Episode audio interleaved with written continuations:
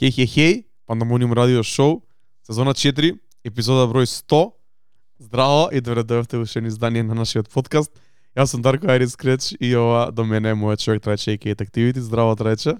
Здраво Дарко, здраво Пандамониум радио екипо, се надавам дека сте добро и официјално добро дојавте во 100-та епизода на Пандамониум радио шоу. Огромен майлстоун, огромен, огромен, огромен майлстоун. А, многу искрен ќе бидам, многу сум среќен и многу сум горд.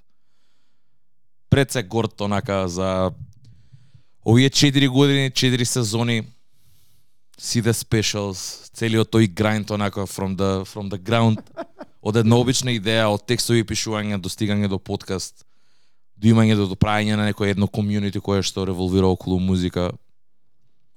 Многу ми е мило дека сме овде. Да, исто и јас. Кога зборевме на почетоците да почнеме да правиме нешто као Инстаграм страна, нешто као радио емисија, што и да беше тоа у, у COVID, онака, искрен ќе бидам, не, не очекував дека стигнеме до стотка, се надев дека ќе направиме тоа, ама со претходното искуство за кое имаме зборено најчесто на кревите на претходните епизоди, со претходното искуство на она на недовршување на проекти или брзо откажување од ствари кои е потешко да ги правиш и кои треба сама да се натраш дисциплинирано да ги правиш на weekly or a monthly basis. Ми беше многу далечно, брат. Ама како влегов му шема, како го правиме ова, се боле и боле според мене и се поредовно на некој начин и попосветено.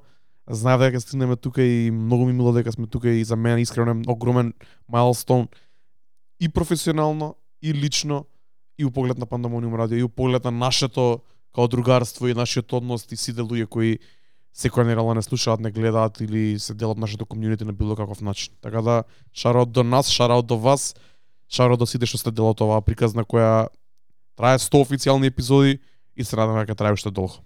Дефинитивно. А, за, уште, уште многу се надам дека ќе ги редим уште толку. А, брат, стварно, мислам уште на самиот почеток, уште у COVID, уште кога планиравме, ја не ни очекував. Ко прво провечната замисла не ни беше подкаст, не ни беше ова што е сега. Не, мислам дека пандемониум има еволвирано многу, а во поглед на тоа што беше и што стана и што треба да биде за понатака. Да. А, и мислам дека тона, не сме само ние двајца, тоа е благодарение на сите луѓе кои не поддржуваат и мислам дека онака не би можеле не, не, не би можеле ова сами да го направиме иако генерално као ние сме тие двајцата кои што сме овде цело време ама behind the scenes и таа енергија од кај што ја црпиме ние се, се дефинитивно луѓето кои што се околу нас и кои што неизмерено ја подржуваат, така да дечки огромна благодарност за вас. Барем јас зборам од лично од, од мое лично искуство ја не би можел без без вако. Таа една енергија која што дефинитивно мислам дека во ова конкретно ние кое што го правиме ти треба за да треба да знаеш дека луѓе сакаат да го чуе тоа што што сакаш да го збориш. И мислам дека е многу empowering као такво е дава дава сила која ќе знам дека можам овде да седнам и дека ќе има. Можеби не многу не знам колку ама ќе има некој заинтересиран за моите теми кои што сакам да ги обработам. Да без да чувствувам притисок дека треба да зборам за некој одреден артист ако не, не, не ако ако не сакам да зборам или ако воопшто немам преслушано или нешто. Така да стотка е огромна работа за нас дефинитивно. А, и пак фала ви уште еднаш се надавам на уште многу поише кој што каже Дарко 100 официјални епизоди, уште 10 спешалс кои што ги имаме направено ни сиве овие сезони. А, И плюс една пилот и епизода. плюс една така да 111. Се врти околу кецот, се вртат околу 10 да многу интересно. Не знам, цело време така чудно ни се погодуваат такви моменти некои или јубилеи. И баш не знам како се погоди стотката да ја правиме баш за нова година, баш за Best of 2023 И едноставно и нормално ни беше, мислам дека и тоа што го направивме во неделата, дека нормално беше за тие што беа таму, се уш, уште не е published, но ја имаме епизодата и ќе ја објавиме во во текот на овие денови, ќе може да ја чуете со фул музичка селекција кај нас на Mixlr, можеби ќе ја закачаме во зависност од YouTube, како ќе се понашам, можеби ќе постои и на YouTube или во некоја скратена верзија, ама it was only right за 100 епизода да го направиме тоа, а, си рековме, окей, fuck it, let's go back to the roots. И заради тоа така и ја крстив, мислам дека онака чисто бидејќи кој што реков Пандемониум си има многу сменато овие три години што значи, што репрезентира. Репрезентира една единствена работа, тоа е нашата љубов кон музиката и кон хип-хоп културата, ама а, си има сменено начинот на кој што ние го тоа изразуваме и едноставно сагавме да се вратиме таму во правичното нешто тоа што не спои дефинитивно, а тоа е музиката и да курираме музика, да се вратиме таму да направиме една радио емисија каде што ќе селектираме музика.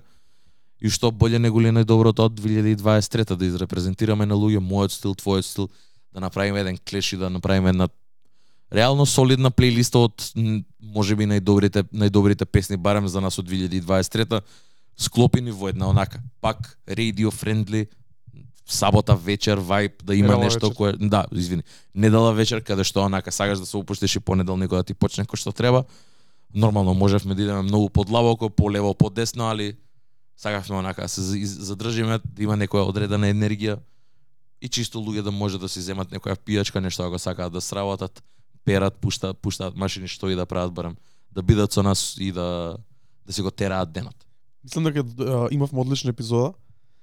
Бар ние двајца се осеќавме многу испуне, испунето и пред и за времена и после епизодата, бидејќи е нешто што го правевме една цела сезона и мене искрено ми фали, мене искрено ми фали да пуштам музика на таков начин, само да ја селектирам и по малце да зборам за неа, да објаснувам зашто имам обрано таа песна.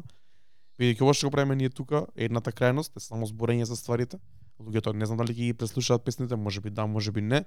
Другата крајност што јас ја правам е пуштање на гласна музика, најчесто во клубови, каде што немам начин да објаснам зашто оваа песна е пуштена или зашто овие две или три песни се пуштени една по друга. така Контекстот е многу битен тука и затоа тој формат на радио емисија го дозволува тој и е најдобар за такво нешто да успееш да поврзаш неколку песни да споиш во еден блок каде што ќе објасниш зашто е тој блок ставен така и по тој да стати на таков начин одбран. Што е многу интересна работа. Овој формат е малце подизгубен во денешно време во светот и кај нас уште повеќе, но милоње дека можеме да го направиме бар така за кејф на микселар независно од било која радио или медиум кој би не насочувал и наложувал на некои други работи. Апсолутно. Но ми беше мило онака, ја немам видено одамна таа нотификација и на мејл и на и на и на notification барот која ми стигна од Mixlr дека Pandemonium radio radio show is live. А тоа беше тоа тоа опишува една нема да го наречам мера, ама еден момент онака од од под Pandemonium radio show каде што онака А ера е брат. секој понеделник луѓе се уклучуваа со нас директно од дома, онака сите затворени у ковид.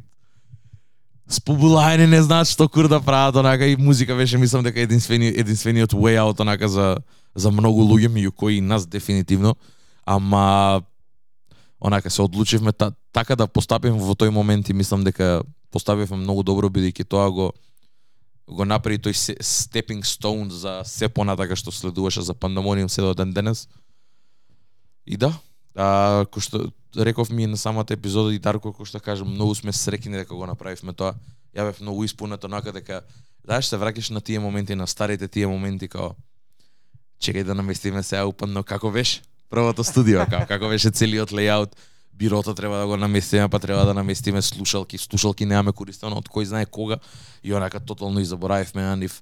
А, среќа Дарко има еден тон опрема дома, па успаси ситуација у последен момент и као звучници едно друго да се поврзаме за да идеме лайф аутпути. Сосема поинаков седап е него тоа што гледате овде и и заради тоа онака беше малце челенџ да си и порано да се намести опремата, се намести камерата, пошто тогаш камерата не ја имавме, снимавме на телефон и снимавме со GoPro камера у втора сезона. И, и онака има има имаше некои моменти каде што онака мораше пак да да, да, да, ги, да ги средиме, да ги направиме, мислам дека ги направивме кој што треба. Луѓе се уклучија, зборевме, коментира, лајка, зборевме за музика. Мислам дека беше топ. Добра селекција. Ќе ја објавиме деновиве исто така пред нова година дека- секако. Мислам дека треба да објавиме extended селекција од тоа, Апсолутно. бидејќи многу малце музика одбравме со тоа што сакавме да, да одбереме и со тоа што имаме на листите кои ги кои, ги- кои ќе ги споделиме со луѓето денеса, ќе ги објавиме најбрзо што може. Дефинитивно. Види, малце сме overwhelmed. Дарко кажа со Бајле онака дури кога ги привршувавме листиве overwhelmed is, in, is an understatement. Пошто премногу музика, некако премногу работи се собра, плюс и од приватни животи нормално. ова е да busy, busy time of the year, следуваат празници едно друго, можам да замислам само на Дарко како му е околу организирање ствари. И нормално е онага малце, не, не, не касниме, ама нормално не ги добивате ствари ве резоследно. Може би требаше денес да ги објавиме листите. Денес е вторник, утре да ја гледате епизодата, тоа е среда. И, тоест, денес да ја гледате, денес да ја гледате епизодата среда и а, ќе биде обратно овој пат, се надавам и ќе ќе ќе видите што имаме селектирано, но како и да е, знаевме дека за крај на година мора да збориме за Best of 23, а 2023 и малце мора мора да мора ќе и ќе биде поразлично неголи емисијата каде што овде малце поише подлабоко ќе навлеземе и во нашите фаворити, во нашите листи бидејќи кој што знаете исто кои лани а, ја и Дарко имаме различен формат на листи бидејќи на различен начин конзумираме музика, за различни цели конзумираме музика. А, мислам, не се тотално различни, некаде да се поклопуваме нормално, ама Дарко на крајот на денот е диджеј и има и уште една перспектива од каде што ја гледам музиката која што ја ја немам. И интересно е онака да направиме исто и клеш тука да видиме што и како и да се измериме, да видиме, мислам да се измериме, да видиме кој што како е. Буквално ја ја немам, ја ја споделив преска, Дарко сега ми ја прати уште го немам отворено линкот и ја така да не знам што следа, Ама би сакал да почнеме со, со, со твојата, мислам дека поише онака. Таму ќе има многу поразновидни ствари него ли кај мене и кај мене може после да влезе малце ако не да се изгубим у моево у, у мои у мои листи кои што знаат чат пат да забегаат. Може мал дисклеймер, сабајле ги правевме листиве, бар ја мојата ја почнав и ја завршив сабајле дока што стигнав сега, значи е драфт. 90% ми е готова, кога стигнав кај трајче да доправив некои работи ќе видиме до времето на објавување може ќе има некоја ситна промена, али мислам дека од прилика ова ќе биде тоа. Уште еден момент само пред да почнеме, мислам дека е огромен full circle момент за пандамониум и е многу интересно и важно е дека баш на стотката на последната епизода од 2023 ги збориме листиве и ќе ги споиме листиве со стотката бидејќи едното и другото многу не опишува, посебно листите стана стейпл за нас последниве години од како почнавме да ги правиме, многу ни се важни и мене искрено ми е криво дека не успеав толку време да им посветам оваа година, ама се надам дека ќе имам добра селекција која кога ќе погледнам после 6 месеци, година, 2 години, 3 години ќе си речам, аха, добро, да, стварно овие песни ми опиша годината. Да не е онакво избрзани, да немам забораено нешто што е многу битно. Затоа и не земав да ја правам туку така, Така. туку влегов во Like Songs, влегов во, во стварите да каде што можам да видам што сум слушал и од таму почнав. Така да, ајде да почнеме. Одиме со uh, моите 2023 Essentials листи. Као што веќе знаете, секоја година ги објавуваме овие листи, како што кажа и Трајче, во различен формат. Мене секоја година мојот формат е различен, бидејќи пробувам да го прилагодам форматот на музиката која сакам да ја репрезентирам и да ја ставам на самите листи според тоа што има слушано, според жанровите и стиловите на музика која во, во, во, во кој припаѓаат музиката, во која припаѓа музиката што ја слушам, така гледам да ги оформам листите за да можам да опфатам да опфатам што можам поише. Тоа што го забележав сега кога ги спремав листиве дека оваа година за разлика од претходните ми е многу singles или songs heavy. Значи повеќе ми е ориентирана кон песни наспроти албуми. Ќе се сетам првата година кога почевме да ги правиме листиве, ако не се лажам 2021 бев многу фокусиран на албуми, може би беше 2020 Бев многу да. фокусиран, многу фокусиран на албуми, тоа беше COVID times. Излегува доста албуми малце пред COVID и за време на COVID. И може би така ја слушав музиката или може би повеќе внимание обрнував на тие ствари, може би имав повеќе време да навлагам подлабоко во албуми, може би во кои не ми се свија сите песни, али ми требаше ми требаше саундтрак.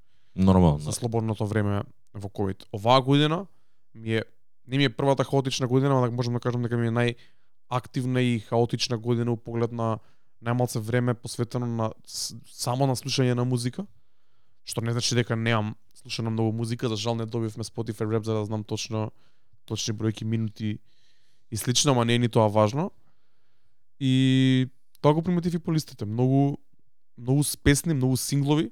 Делот овие песни кои ќе ги набројам се и официјални синглови, некои се албум кац, некои се one-offs кои се извадени вака или онака и си имаат најдено на Spotify на некои плейлисти кои ги следам и во одреден момент од годинава ми имаат значено многу во различна форма. Дали за слушање дома, дали за слушање за време на трчање што за мене е многу важен дел од слушањето на музика, може би сами текна кога кажа ова, може би треба да направи топ 10 running tracks или нешто такво. Тоа треба За Завчера мавна еден, еден полумаратон, така да саат време Со тоа што да, со тоа што ако би било за оваа година, сигурно нема се песни само од оваа година, ќе ти кажам овде топ онака двете песни кои ми се нај кои ми беа најинспиративни од прва што ми текнуваат, ми се uh, Cold Summer од Fables, Добро. таа ми е Уф. од таа ми е есен вака running На, running song. на тоа трчаш. Motivational, motivational shit.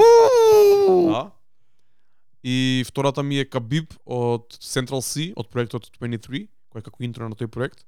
Таа ја слушав летово, знам се сеќавам пред да дое Енди Пернел кај нас. Баш со Енди период- зборевме за таа песна. Тој да, период да. ја слушав таа песна онака е, знамено трчање што ми беше едно од побрзите трчања оваа година. Имав на репитен од 10-15 пати. Скоро цело трчање ми беше само со таа песна. Али може да го направам и ова као некој момент за слично на троубек, бидејќи имам и троубекс Епа. многу кои не ги кои не ги набравав тука бидејќи немам како да ги спакувам. Имам еден многу дип момент на троубекс од февруари лани, кога влегов ептен у тој у таа зона као late 2000s Добро. или Dirty South 2000, значи со T-Pain, со Така. имаше ти нешто тоа стајано со Lil Wayne, со такви Да, ствари. да, да, да. Разбирливо тука. Југот. Збориме за Југот Пол од Вол. 2005 Света, натака. така. Океј. А имаме некои вакви троубекс као Fabulous сега есен во што ми влегува што се речеме малце понови троубекс од последниве 5-6 години. Па дури некои песни као Liquid Sunshine Rhythm која е 2020 ако не се лажам и песната Party Nice од Vibes Cartel која ми беше број еден песна на Spotify Wrapped и на Stats FM нај, најслушана песна за оваа година. Тоа дека Озборно? сум ја дека ја враќав на Преак. многу премногу пати Преак.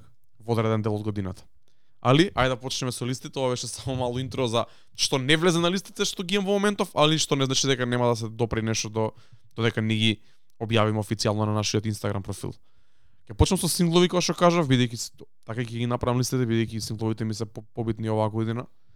Топ 10 rotation, тоа значи топ 10 песни кои за контекст кои не се R&B или се повеќе нешто поразлично од R&B или не се клубски бенгери кои ми се на следните листи, значи ова ми се топ 10 песни мои што се некако мои песни што сум ги слушал на Spotify или што ми оставиле најголем впечаток за оваа година. Прва песна Drake 8 in Charlotte, Burna Boy Big 7, трето место Jack Harlow и Dave Lyrical Lemonade Stop Giving Me Advice, четврто место Nicki Minaj и J Cole Let Me Calm Down, Drake and J Cole Evil Ways, Nax, Larry June, Kenny Beats, I Suppose, M. Hancho, Where You Been, Nino и Central C, Eurostar, Larry June and The Alchemist, uh, 98, uh, 89 Earthquake, и Corday и Anderson Paak, Two Tens. Ова ми е топ 10 rotation. Интересно многу. Делото ова се сврте и во неделата. Јоп. Ова ми е онака низ целата година, малце сум бајас со послед со песниве што излегува кон крајот на годината, пред се зборам за Let, за Let Me Calm Down, Stop Giving Me Advice, Evil Ways е тука од последниве три месеци на од прилика и 8am in Charlotte нормално али таа мислам дека секако е стейтмент за оваа година. Не знам како ќе ми легнат овие песни, али моментов сум презакачен на нив и премногу ми се свија за да не ги ставам тука. Што мислиш за оваа листа? Сериозна, сериозна селекција, брат. Ја би рекол, мислам, нема нема нема да влагам у- толку рано у мојата, ама Drake, 8am in Charlotte беше првот првиот сингл од, од самиот албум и мислам дека постави онака ептен извади многу јака реакција и разбирам зошто и не, нумерички се поставени, има има значење или Има, да. плюс минус, така? Е, Има, да, Да. има, има.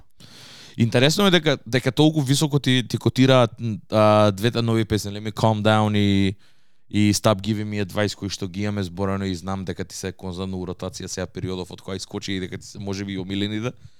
А Evil Ways е интересен пик дека онака на крајот на денот постои first person shooter од истите двајца артисти на истиот албум, ама Evil Ways стои овде. Може да ми кажеш зашто? ја има во а, гледај, тука можеше да стојат и 4-5 песни од Scary Hours. Edition Така. на Stories about my brother? Било што можеше да влезе тука. Реално да. Така да ја одбрав оваа дека можеби најмногу одскокнува од другите три, бидејќи Red Button, Stories about my brother и uh, онака што збори за за, за, за девојките. Добро? Тие три као ми се као одреден еден тип на ти ми се три многу слични, можеби требаше да ставам едно од нив која ќе ги репрезентира сите три, али оваа ми е тоа што беше малце поразлично. И оваа дури ми ќе кажам дека ми исто така трака за трчање последниот период. Јако. I suppose Kenny Beats, Larry June, Nux, Classic. Мене ми е исто така. Ја кај мене мислам дека и не ни влезе, ама многу многу многу сериозна песна. M Hancho Where You Been ја слушавме сега. Да. Интересна песна, ја немав слушано ова. Two Tense, зборевме на емисијата за Two Tense, онака интересен пик, бидејќи као немам видено доволно луѓе да зборат за песна, некако се забори. Имаш има неколку такви песни кои што о, имаше која искочија, беа многу дом, мислам не, не би рекол доминант, не доминанти, ама се збореше за нив. Ту тен седна и друга знаеш која е што мислам дека луѓе имаат забораено дека искочи сега годинава. Кендрик Ламар, Baby Kim, The Hillbillies. Можно е. Песната ја забораја луѓе дека има искочена, брат. Ако ја искочи сите ја зборе, а не ја ваде ја уста, од уста поос. Мислам дека тоа кажува за самата песна, брат. Мене таа песна никогаш не ми легна, сваќам зашто ми интересна на луѓе. Мислам дека може би ја ми пуштено неколку пати. Али мислам дека тоа беше оној Baby Kim, Kendrick Lamar хайп од нивните фан бази на интернет кој излезе песната, ама самата песна си кажува дали дали онака дали дали го држува тестот на времето. Мене Two Tense ми е песна која ми е свежа од да ја чујам и после година дена бидејќи ова излезе скроз на почетокот На почетокот од, годината. од, од 2023 Кога да. излезе тогаш не ни имаше толку добра музика која излезе првите 2-3 месеци од Да, реално да. Мене ми останата дури и на роден народ на Ведран ме потсеќа на тоа време, као на првите 3-4 месеци од Така. од годинава. И морав да ја ставам поради тоа бидејќи другите се мање више понови. Разбирливо, разбирливо. Интересно, интересно како и да. Ова е, мислам, о- ова, ова е реално и Ride in My Lane. Ја ова можам да го пуштам, овие 10 песни, можам од горе до доле да ги пуштам и као една да не скипнам, така да Ова ми добар добар сум со ова со ова со оваа селекција од топ 10 траки онака за ротација у константна. Топ ми е. супер, идеме со следната категорија, прв пат ставам R&B песни Let's на go. моите на моите листи. Ова е моето R&B, на трајче R&B то кој го зборим уште од 2020 е скроз друго. Ова е да речеме на комерцијално R&B многу што, што се што се многу што многу се преклопува со хип-хоп, со малце афро звуци, со UK звуци, али ова е R&B во мојата глава. Джорджа Смит и Джей Хас, Feelings, Brent Fayas, Best Time, Ray, Flip a Switch, Stormzy и Ray, The Weeknd, Nines, Calendar, Don Toliver and- и Kaliuchis For Me, Offset и Don Toliver, Worth It, Brent Fayas, uh, Outside All Night, Don Toliver и Wizkid Slow Motion и Summer Walker и J. Cole To Summer from Cole Audio Hack. Тоа е. Писменц. Која слушаш епизодата у неделата знае зашто збориме и, за, и зашто се смееме. Али да речеме десетка ми е honorable е, mention повеќе, Океј, разбирам. али као бидејќи не се поклапани стилски тука, Да. Битот е таков. Битот е многу R&B ама J. Cole не е R&B. Као целото деливери се до тоа не е. Малце е поише spoken word, така како што си рапува он. Али сваќам може да легне у селекцијава. Не, не ми е затоа е проблем. последна. Не ми е проблем. Дека овде, на пример, и Outside All Night е R&B joint, ама го има 60 броки, што дава многу интересен Yes. врс. Секако, секако, секако тука има многу голем хип-хоп инфлуенс, ова може би некои луѓе ќе го сметат и за хип-хоп, без разлика како го сметаме, не, не мора ни да се вика R&B. In the lack of a better, uh, better term го, го стави R&B, али ова мене у главата ми е R&B. Или ми е да речеме апсолутно. 2000s inspired некој звук, појма немам.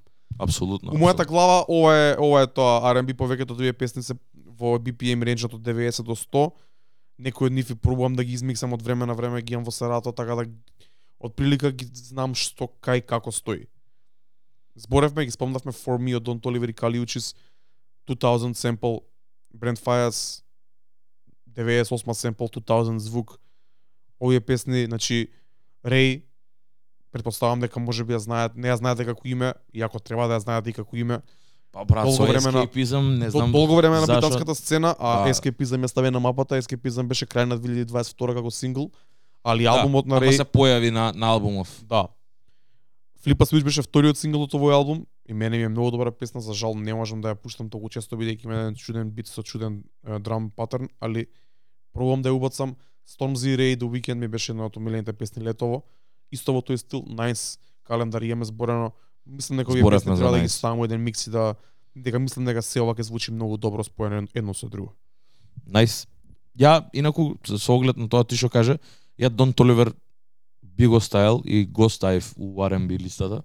А, пошто пред се ми е R&B, брат. Као, Албумот е таков, да. негов негов албум е тоа. Не ме интересира што Offset има или кој да, или Future има на Private Landing има таков врз кој што имаме, разбираш као на крајот на денот е R&B албум сам по себе, ако има feature од рап артист, I'm fine with it, нема, нема, нема тоа да го смене тој лейбл, така да окей ми е. Као сваќам зашто се насмеа дека зборевме за за аудио хак за за J Cole за, пред, за во претходната емисија во спешалот, а бидејќи ја лично ја критикував Дарко ја имаше стајано у топ 100 и онака се уште го имам тој тој тој вакво сентимент, ама од тогаш ми има гроунато песната и мене ми се свиѓа и мене ми е топ.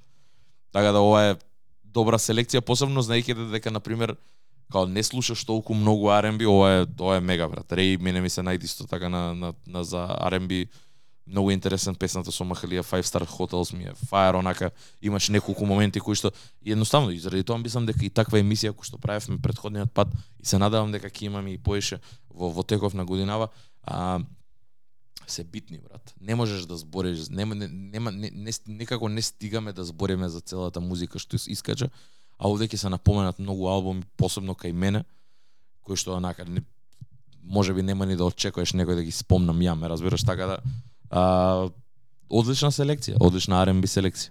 Продолжуваме со топ 10 клубски бенгери. На прво место Гана, Fuck You Mean, Drake, Sexy Red и SZA, Rich Baby Daddy, The. Weeknd, Madonna, Playboy Carti Popular, Doja Cat, Paint the Town Red, uh, DF and Central C, Sprinter, Sexy Red, uh, Ski Yee, Burna Boy, City Boys, J Hus, Drake, Who Told Ya, Bad Bunny, uh, Monaco и Drake and J Cole, First Person Shooter. Добро?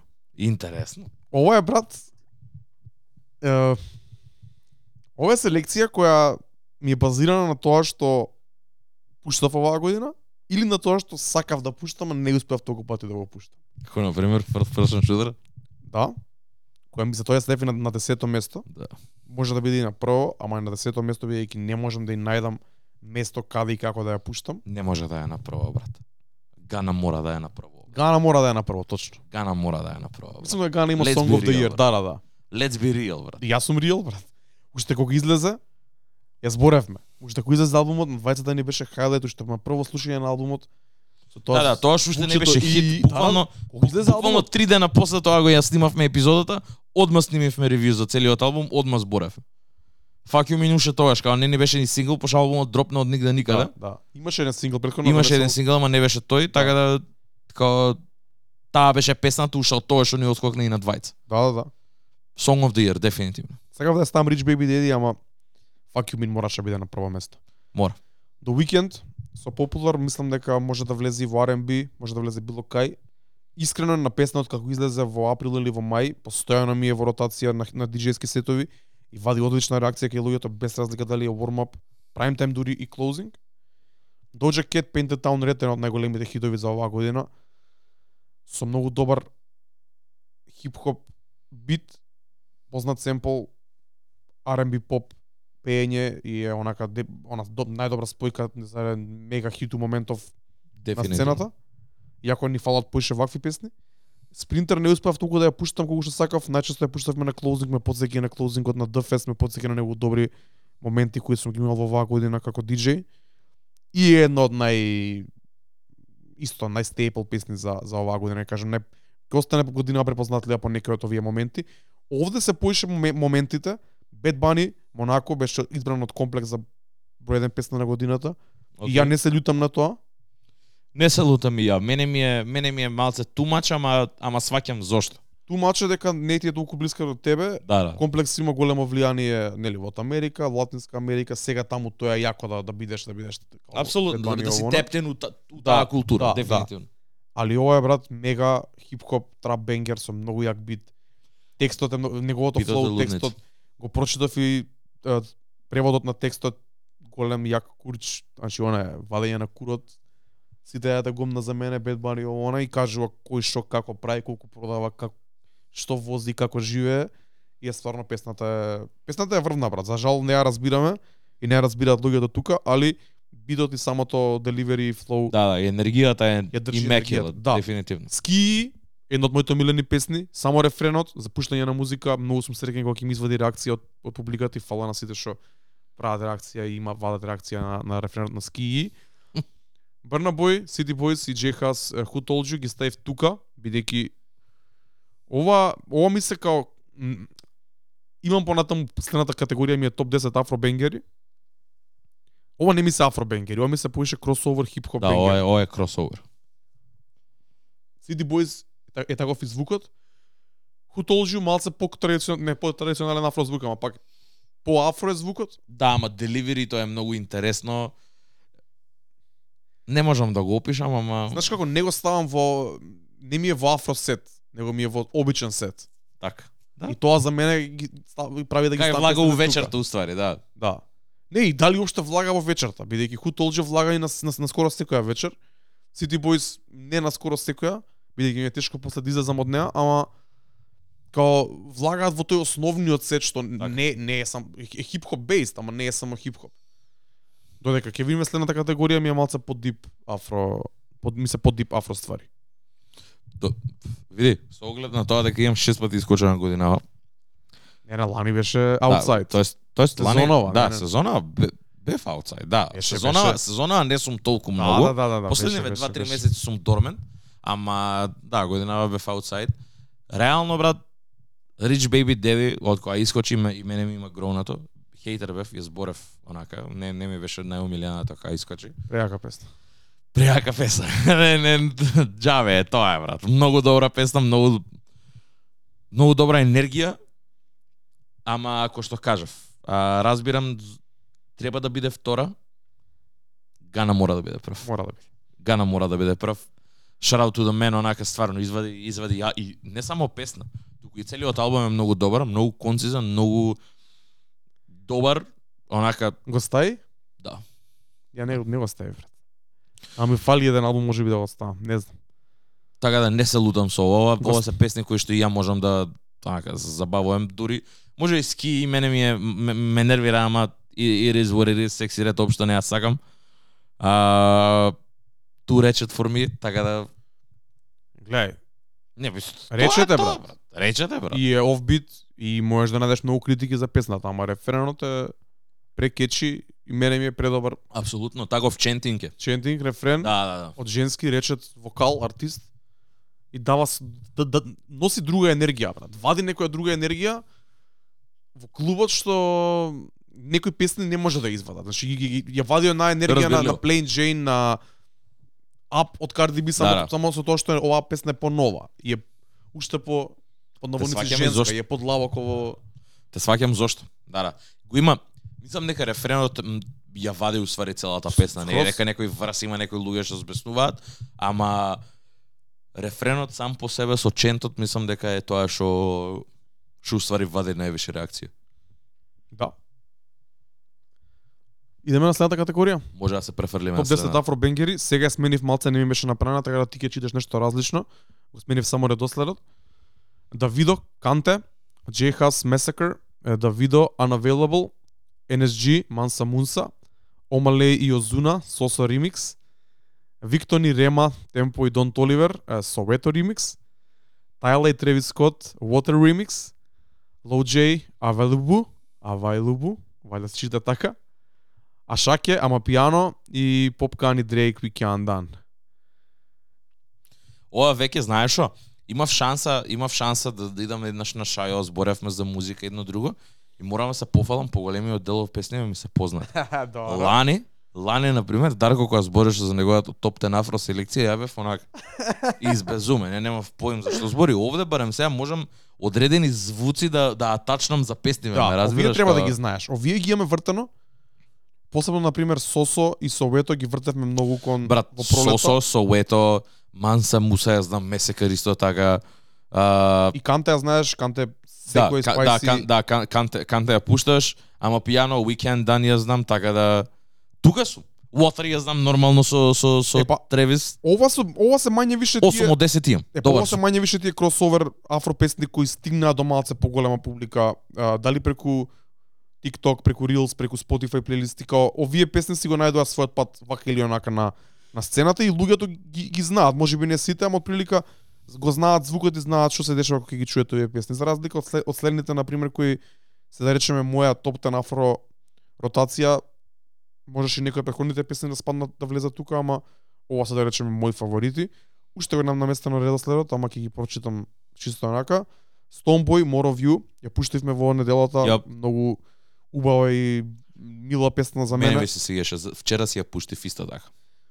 Ме подсеќа исто така на почетокот на годината, овој беше првиот сингл од албумот на Stoneboy, кој го имам ставено на топ 10 афро албуми за оваа година и исто ми опишува неколку месеци таму, еден месец сигурно февруари ако не се лажам од 2023 А The Kunle Gold, лани ми беше артист на годината, AG Baby, оваа година извади албум, али не беше толку добар албумот, али овој, овој сингл кој излезе ми беше ептан јак, Party Not Stop.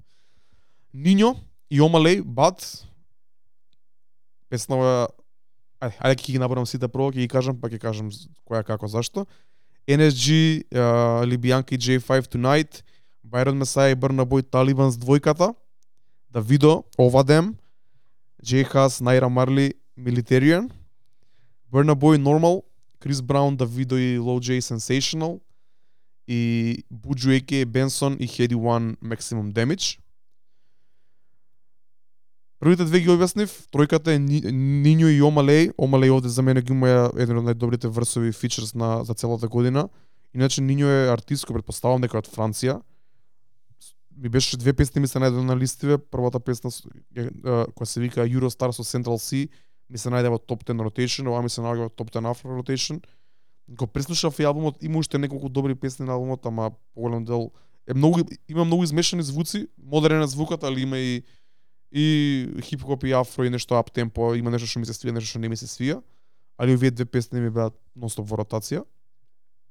NSG Tonight во преконата листа имам NSG Mansa Musa, тоа се двата најдо, двете најдобри песни од албумот на NSG кои ми се најде на второто место како албуми.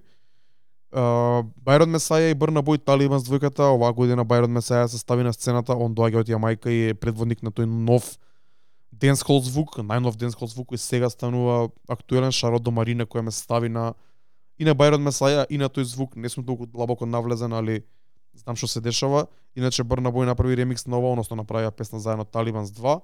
После тоа и Крис Браун направи као не не ремикс, него се убаци у комбинација и излезе Талибанс 3 што беше многу интересен момент. Не е она класичен ремикс, него пак е смената и маса А, само само е продолжение, уствари со мали промени. Да, да. Јако. Давидо, Over Them беше uh, интро на албумот, кој исто така ми се најде на- на следната, на следната листа. J Хас и Найра Марли, Militarian, немаше да се збори повеќе за тоа. Брна Бој, Многу добро. Крис Браун, Давидо и Low J, Sensational, Крис Браун извади албум 11-11, кој кој преслушав, има добри ствари, ова Има беше, добри ствари. ова беше еден од водечките синглови во афро, во афро звук, афро R&B, афро свинг, како и да се вика. Многу добро звучи, Крис Браун на тој, на тој звук.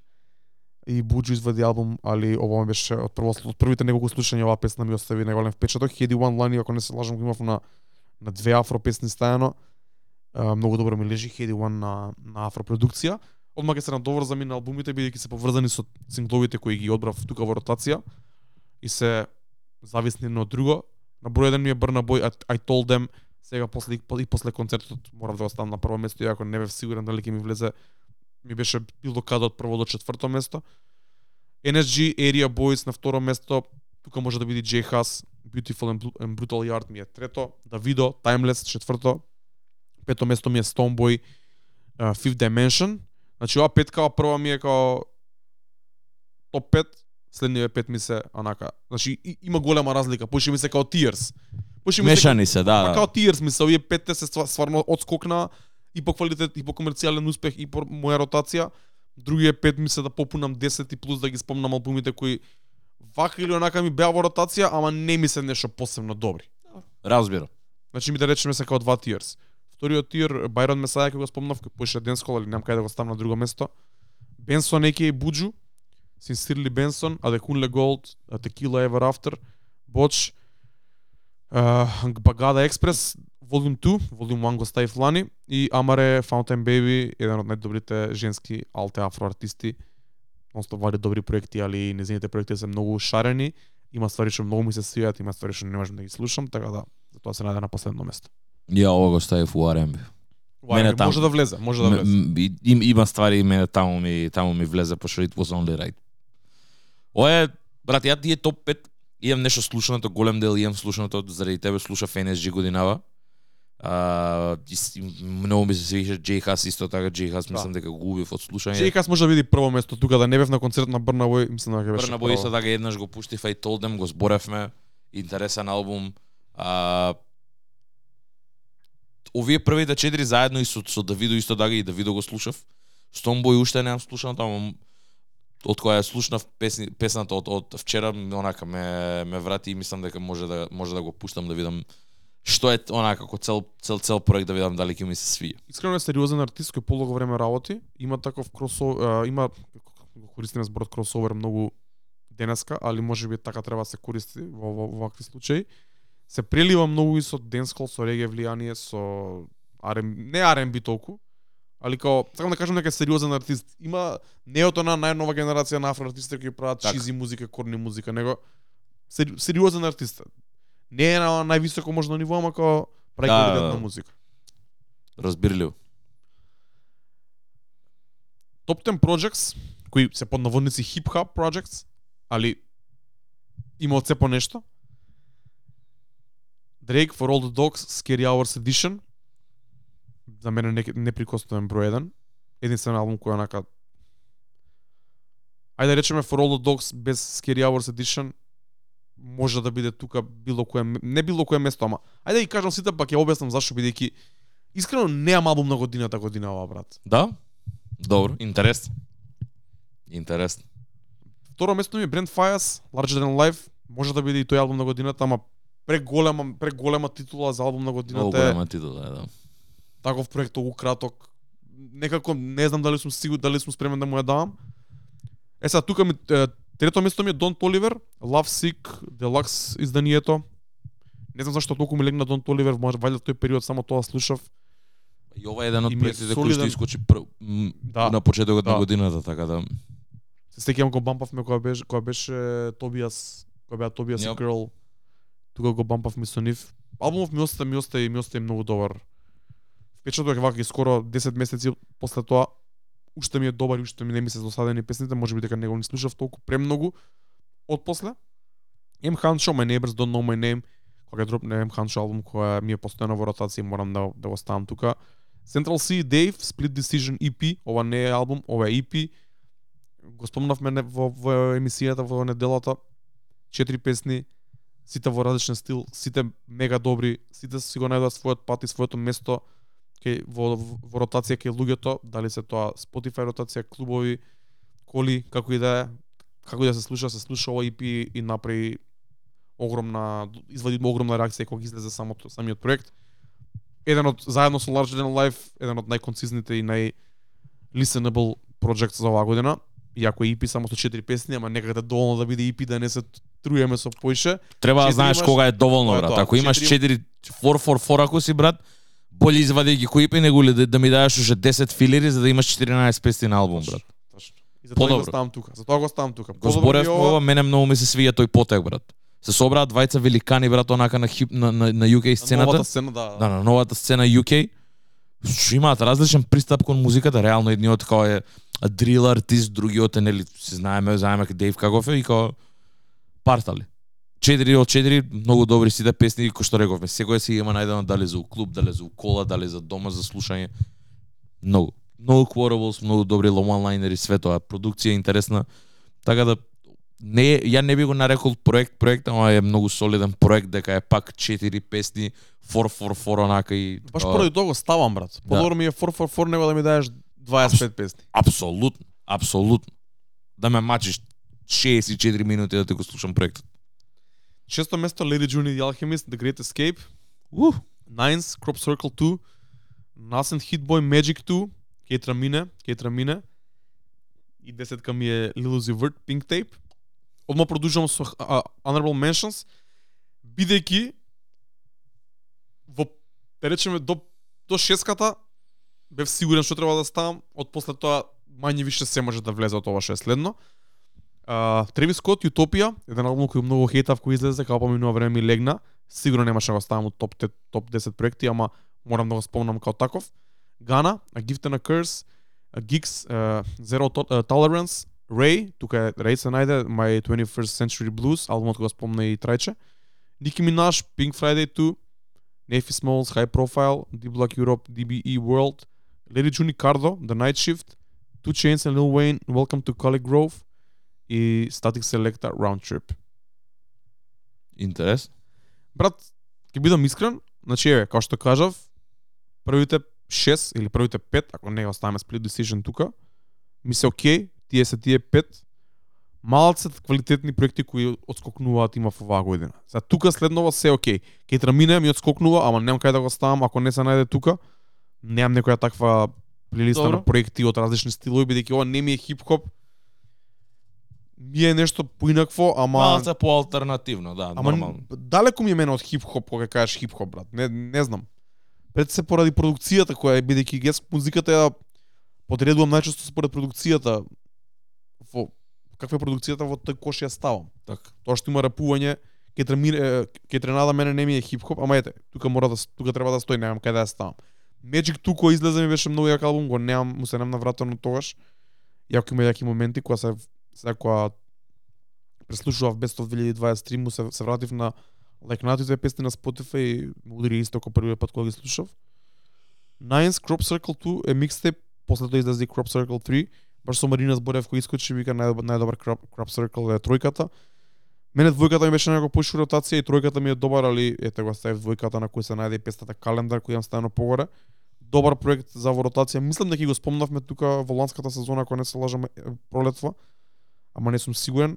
Lil Uzi Vert, Pink Tape, за мене кој излезе беше беше добар, има, имаше неколку бенгери, баш искочи пред да идеме пред да пуштаме музика на The Fest. И неколку бенгери ставив во Сарато, тогаш немам ништо пуштено. И, и имам измешани чувства за него. Утопија, како што кажав, го хейтав многу. Лека по лека ми легнува, ама тоа е далеку од тоа да ми биде најдобар проект. Ми легнува само учам да го прифатам и му ги наоѓам добрите ствари и тие ствари што ми се блиски до мене, тие ствари што ми се свигаат. Гана, ќе излажам ако кажам дека сум го слушал албум од како излезе, од како го зборевме тука. Гикс имаше неколку добри синглови, Рей имаше неколку добри синглови. Ники Минаш Pink Friday ту, има неколку добри синглови кои излегоа доста порано, има неколку нови добри песни, албум кац и синглови од новава тура на песни кои излегоа во самиот албум. Прерано е да се стави, го спомнувам тука само да го спомнам. Не знам како ќе легне, не знам како ќе биде во иднина. Nephi Smalls High Profile го слушав од време на време, DBE World исто така, D Block Europe пролетва. Lady Juni Cardo The Night Shift не остаje да голем впечаток, ама видов дека имам лайкнато доста песни од него, најверојатно ми било ротација периодов.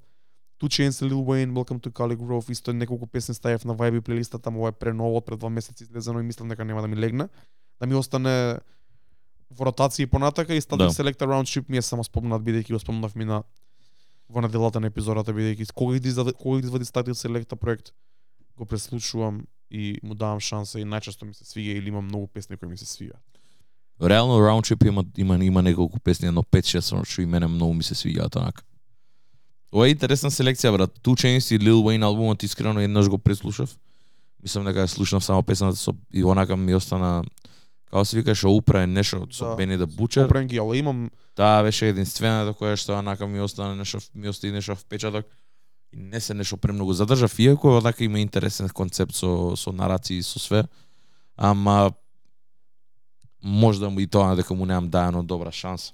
Ако видиш подоле, нема да и кажам овие работи, ќе видам што ќе што тоа ќе ставам на листите. И имам една листа на honorable mentions на афро афро песни и после имам некоја селекција на други хип-хоп песни кои не се најдоа Да, ова е, ова е интересна. Ова, е на листите. многу неконвенционално дарко селекција. Е па, еве ќе ќе прочитам едно блокче. Lady Juni Cardo, Chops on the Blade, Primo Rise, Deep in My Bag, Rick Ross, Mick Mill и Fabulous, Dead Last. Тука се наоѓа Oprah and Gale, Two Chainz, Lil Wayne и Benny the Butcher. Won't He Do It од uh, Gunway the Machine, која ме потсеќа на Трече, ме на Наполи. Значајна песна ја пуштивме во неделата. Е да речеме тие мислат тој е да речеме трајче стил по хип-хоп motivational Така. било да како како, како и да го како и да го копираш тој стил. Е са следни ве. On the Radar Freestyle, Heady One, Martin Sofa, UK. Че on the radar freestyle, да збориме за Central C, да. Drake, добро? Значи ти ги гледаги малце надоле. Heady One, Martin Sofa, H and F Smalls Landslide, значи ова е исто UK, Трапиш, Rod Wave и 21 Savage Turks and Caicos е Vibe, Ray Streamer и Future Activate, Future of the Game е еден од најдобрите фичер за оваа година. Еден од нај underrated песни за оваа година, многу ми се свија, немаш да ти колку ми се свија песна брат. Ова беше од од Race Remembered Да. 4. Да, да. Песнава ми е брат врв, посебно делот на Future. Едноставна е, vibe trap, исто како и предходната. Исто како и следната Deep Black Europe One on One. Тука се најде Don Toliver, Justin Bieber, Future, Private Landing. Lil Durk и J. Cole, All My Life, Travis Scott, I Know. Значи ова ми е vibe trap селекција мање више тука. Добро. Trap Drill. И Burna Boy, Sitting on Top of the World. Поише као традиционален хип-хоп бит, ама ми влага тој некој да речеме првите пет што ги прочитав ми се за слушање, ми се motivational траче shit. Така. Овие следниве десетина ми се vibe trap, warm up, closing, нешто такво. Да, ова може некаде нешто да влезе, реално. Бидејќи I know требаше да иде и погоре. All My Life требаше да иде и погоре. Private Landing исто ми е еден од фаворитите за оваа година. Не знам како ќе го подредам овој, како ќе ги ставам песни, ама ќе видам. Реално, че ми имаш и Primo Rice, брат, Deep in My Bag, че ми имаш. Е па не знам брат, сега ти ми се пет, а и тие можам да ги ставам во една селекција и овие други можам да изберам и пет од други па да ги ставам нешто такво да, да ги скомбинирам. Ово ми се од vibe плейлистата, само со, со, со, со големата разлика, не, не големата разлика е во продукцијата и во намената на песните. Првите пет ми се само за слушање, а овие ми се можеме да ги пуштам, имаат по клубски или по трапиш бит и енергија. Се гледај по имињата на артистите можеш да процениш од прилика каков е звукот. Да, реално. Ова е интересно, ама да, дефинитивно. Плей, ова, листиве, листиве годинавати се многу Синглови. синглови, сингл хеви, трек хеви, онака не е толку многу на албуми колку што вакво. Што мислам дека е нормално, брат. Мислам дека и од тоа, од тоа кога ќе тргнеш за тоа, реков дека многу листите е нормално да се поразлични моите и твоите, дека не можеш не може кај тебе да се изостави тој момент кај што имаш Song of the Day, имаш Vibe плейлиста, ги курираш сите плейлисти што се вика за за за Шуршат и као нормално е да не може да се изостави тој дел кај што ти си диџеј, кај што си активен, кај што имаш плейлисти за трчање, кај што трчаш полумаратони онака пред емисија, некоја будала на минус 15. А, и као не, не можеш ти да слушаш албум, брат. Не можеш да пуштиш еден единствен албум и да го слушаш. Ти треба нешто разновидно, треба некоја плейлиста. Може би има некој момент некаде каде што дур возиш до Охрид или не знам каде или Струмица на пример ќе ќе ќе пуштиш еден албум, а тоа најчесто е ако си сам брат, ако си у кола со со кој друг освен со мене можеш да пуштиш цел албум брат, од top to bottom да слушаш брат. Држи вода тоа, ама така било и претходните години. Не знам зашто оваа година не, немаше албуми кои онака концизно и комплетно ми го задржуваа вниманието од прва до последна песна, или не мора да од прва до последна, него што ми значи како албумот како албум да ми значи, ме сеќаш. На пример, Така. на пример сега Ники која дропна брат, не ми значи албумот како албум, ама има 4-5 песни на него што ми се стварно добри и го осеќам дека треба да го ставам. Бидејќи имам забораено на некои од овие албуми кои, кои ги набројав тука, бидејќи имало некој момент кај што сум ги слушал, ама тоа било 2-3 дена, 5 дена, било и као се немам навратено на тоа, бидејќи Да. бидејќи не било добро, не бил добро направен албумот. Тоа Brent Fires е тука број 1, број 2, мора да биде. Реално. Jane Alchemist мора да биде. Реално, Баш поради тоа. реално. Сосема разбирливо.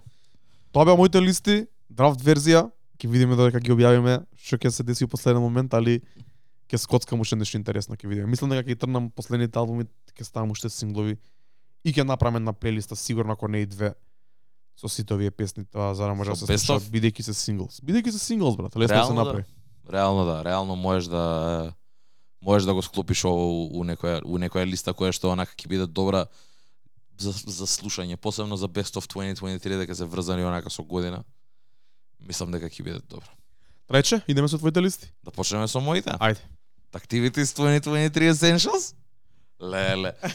Исто како и лани, а, ја го држам истиот формат, а, за луѓе што немаат видено лани, а, кај мене идат топ 10 хип-хоп албумс, honorable mentions, топ 10 R&B албуми, исто така honorable mentions, топ 10 tracks of the year, со honorable mentions, топ 10 throwbacks, кои што онака веќе веќе ми стана мислам и традиција онака пошто реално поштојам такви ствари и као мислам о- ова ми дава шанса да идам било каде. Као некад слушам некој од откачи да работи нешто низ, низ годината, него има некои песни кои што ќе ми закачат онака и ќе ми бидат многу интересни, кои што не се ни хип-хоп. Така да во последниве две, као на пример во во во топ 10 tracks of the year и во топ 10 throwbacks, ќе има песни кои што не се хип-хоп, не се ни R&B, а зависи од као ми имаат мамното, као ми као као ми се свијале ама генерално се држам до тоа да бидам онак хип-хоп елитист и да и да биде и да биде R&B и хип-хоп. А, пошто ако навлегувам се и ако напишам топ 10 албуми, тоа ми дава шанса, не знам, да истражувам друга музика. Пак се држам до тоа што ми е мене нај најваква се овде да заставам и да зборам колку е добар на Лил Јахти албумот и а, колку е добро продукцијата на Black Samuel, као не, ме разбираш. Неам доволно референции од таму за да повлечам за да знам дали нешто е квалитетно или не. Освен од тоа нормално норм... моето као ми се свија. Искрено листиве не се не се по не, не, во, не во секој момент се битни као се распоредени од 1 до до 10, ама генерално се се направени за тие албуми кои што мене најлиш, најмногу им има имаат значење. Тие што ја најмногу ги имам слушано и тие што зас, мислам дека заслужуваат да бидат спомнати и да бидат ставени горе, така и се поделени. Така да почнуваме со топ 10 хип-хоп албумс и ќе почнеме од number 1 uh, Larry June and the Alchemist The Great Escape. Ја можам да кажам дека ја имам албум за годинава и мислам дека ми е ова. Не прекинав да го слушам. Онака посебни песни и песни стајани увакво Palisades Калифорнија веќе ја знам на памет сон ми ми, ми рока брат Биг Шон, мислам дека го сонувам више. Uh, као има премногу моменти мојот овој албум заедно плюс со Лери Джун Шоу, шоуто онака све све уште од Breakfast in Monaco као имаше многу моменти кои што следеа до овде као The Great Escape уште кога го добив се реков fuck it тоа е као слушав го слушав го преслушав и уште не ми е досада. И It's Only Right да биде да, да биде да биде албум за годинава Straight Out of Bed мене тоа ми е изборот за за албум на годинава. И многу ми е мило дека добива recognition и општо од од луѓето кои што ете имаат онака а, кои што кои што ги кои што исто така прават вакви листи видов дека на многу поише листи си има најдено а, и многу ми е мило дека е конечно Лири Джун си ги добива своите своите цвеќиња онака и дека а, има таков барем малце мейнстрим апил ако не ништо друго со со продукција од Alchemist на второ место е Planet Giza Ready When You Are. А, ова е еден колектив а, многу интересен, многу карактеристичен кој што прави интересна алтернативна рап музика онака, прави музика од R&B до хип-хоп. Овој е малце поише хип-хоп, него ли што е R&B и цело време беше у ротација, има неколку песни. Ја пуштивме Ready When You Are на на емисијата, така да мислам дека треба луѓе да идат и да го чујат ова. Краток проект е, не е долг. Мислам дека е некој 11 траки така нешто и мислам дека добро ќе им прија. Таков лежерен не е тежок за слушање мислам и заради тоа и мене.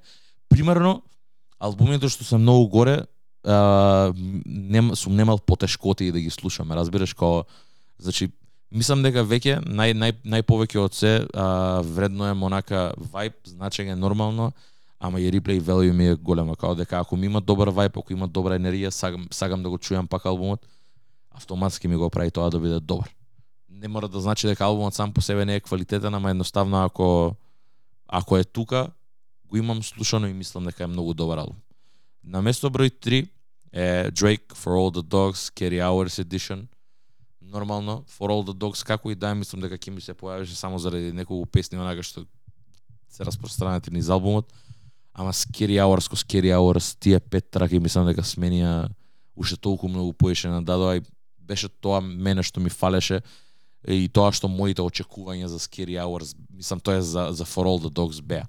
И нормално, као како што кажа Дарко топ 10 траки може да се најдат коматно 6 онакав вклучувајќи ја и Arian и Шарлот, ама не го направив тоа пошто ќе беше премногу чизи, као сака стварно да биде и објективно и нормално, и субјективно и објективно, што може да биде.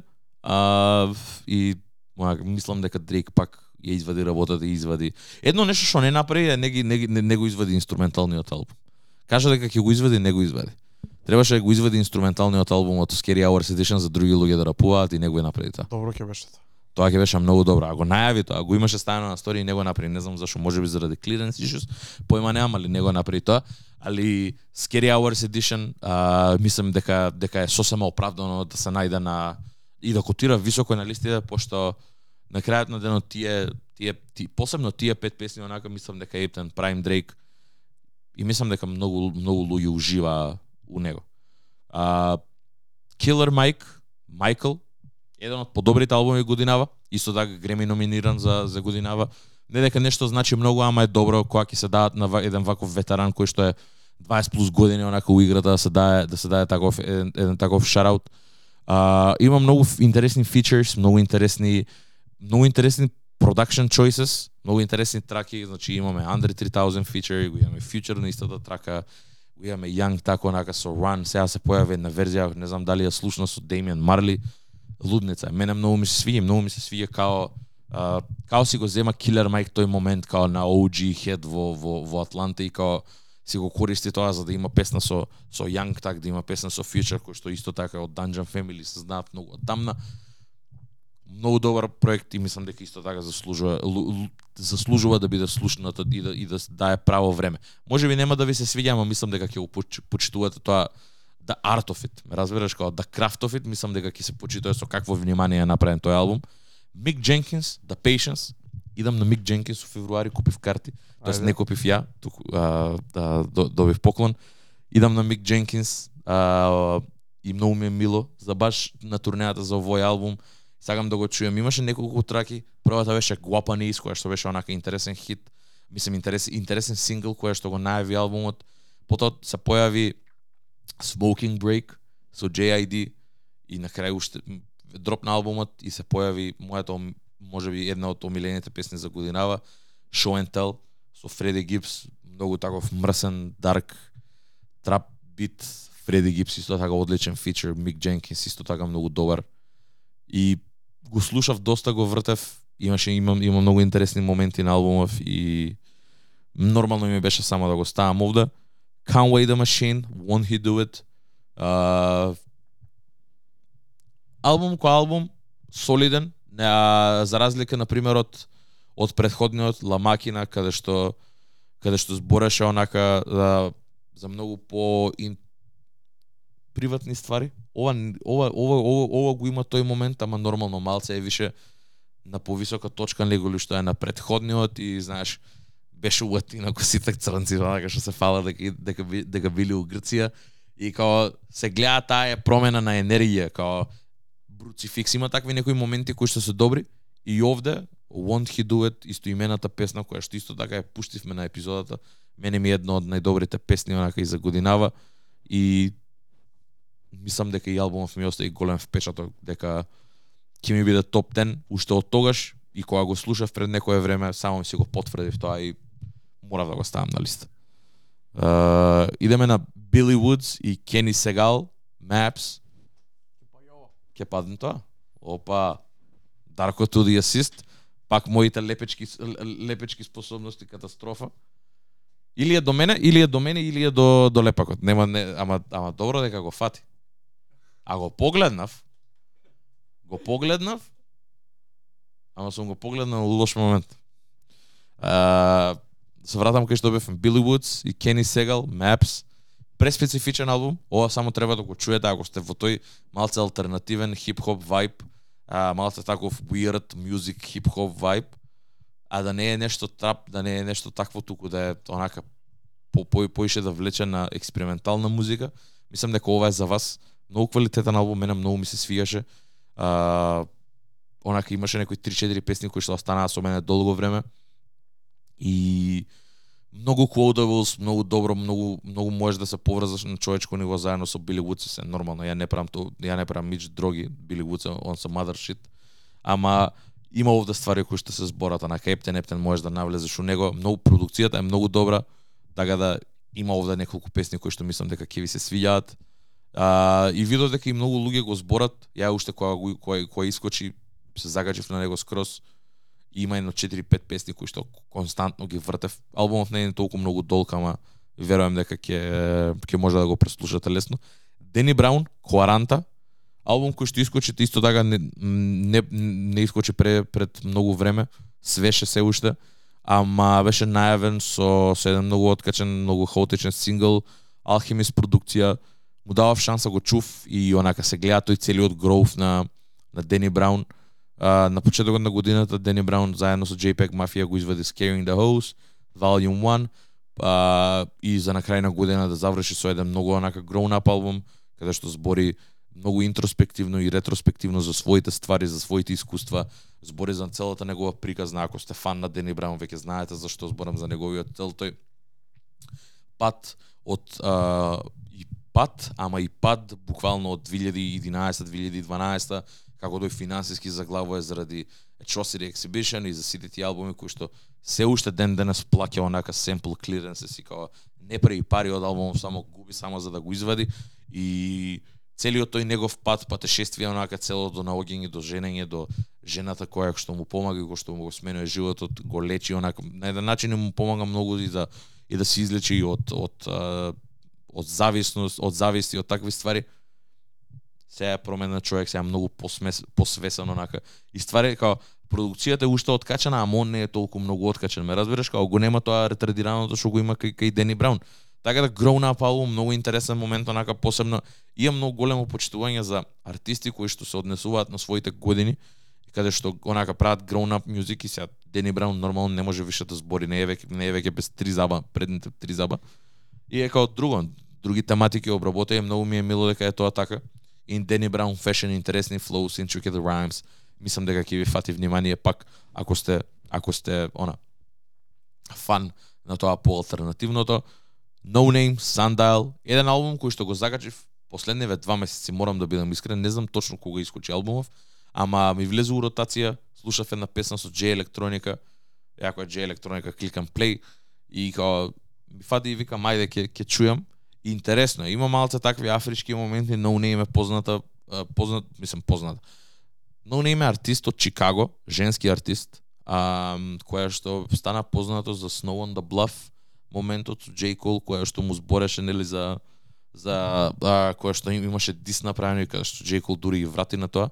И имаше еден албум кој што мислам дека и го спомнав овде, уште баш кога искочи Гана, A Gift and a Curse, дека каверот на Гана многу ме потсеќа на претходниот на, на последниот албум на No Name, кој што исто така беше со цвеќенца со скалс, имаше многу иста естетика.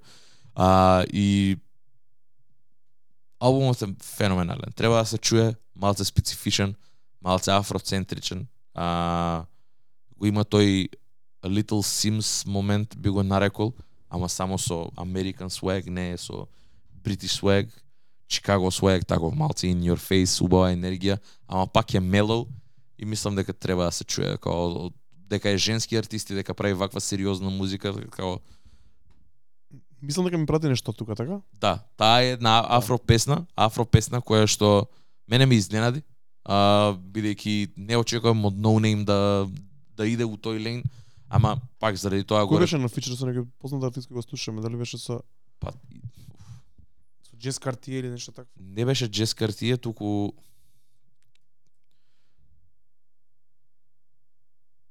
сега ќе албумот се вика Sundial, а песната за која што збориме со Дарко беше А не, не е ова. Не, не, не, не, не, не е тоа, не е тоа. А, о, не, збориме за Afro Afrofuturism или за Boom Boom, не, не знам која ти ја пратив. Добро.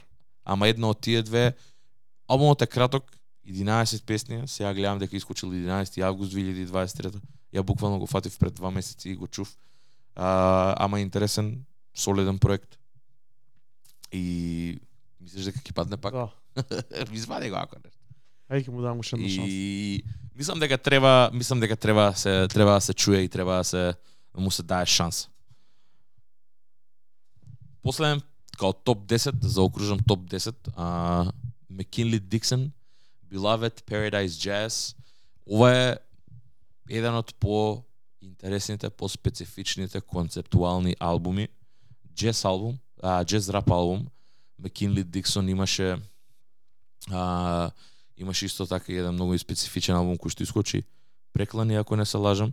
uh, For My Mama and Anyone Who Looks Like Her, ако не се лажам се викаш албумот кој што беше посветен онака беше фокусот беше The African Woman, жената, неговата мајка, све тоа што застапува таа у општеството, многу специфичен, онака преку джез ноти, джез продукција.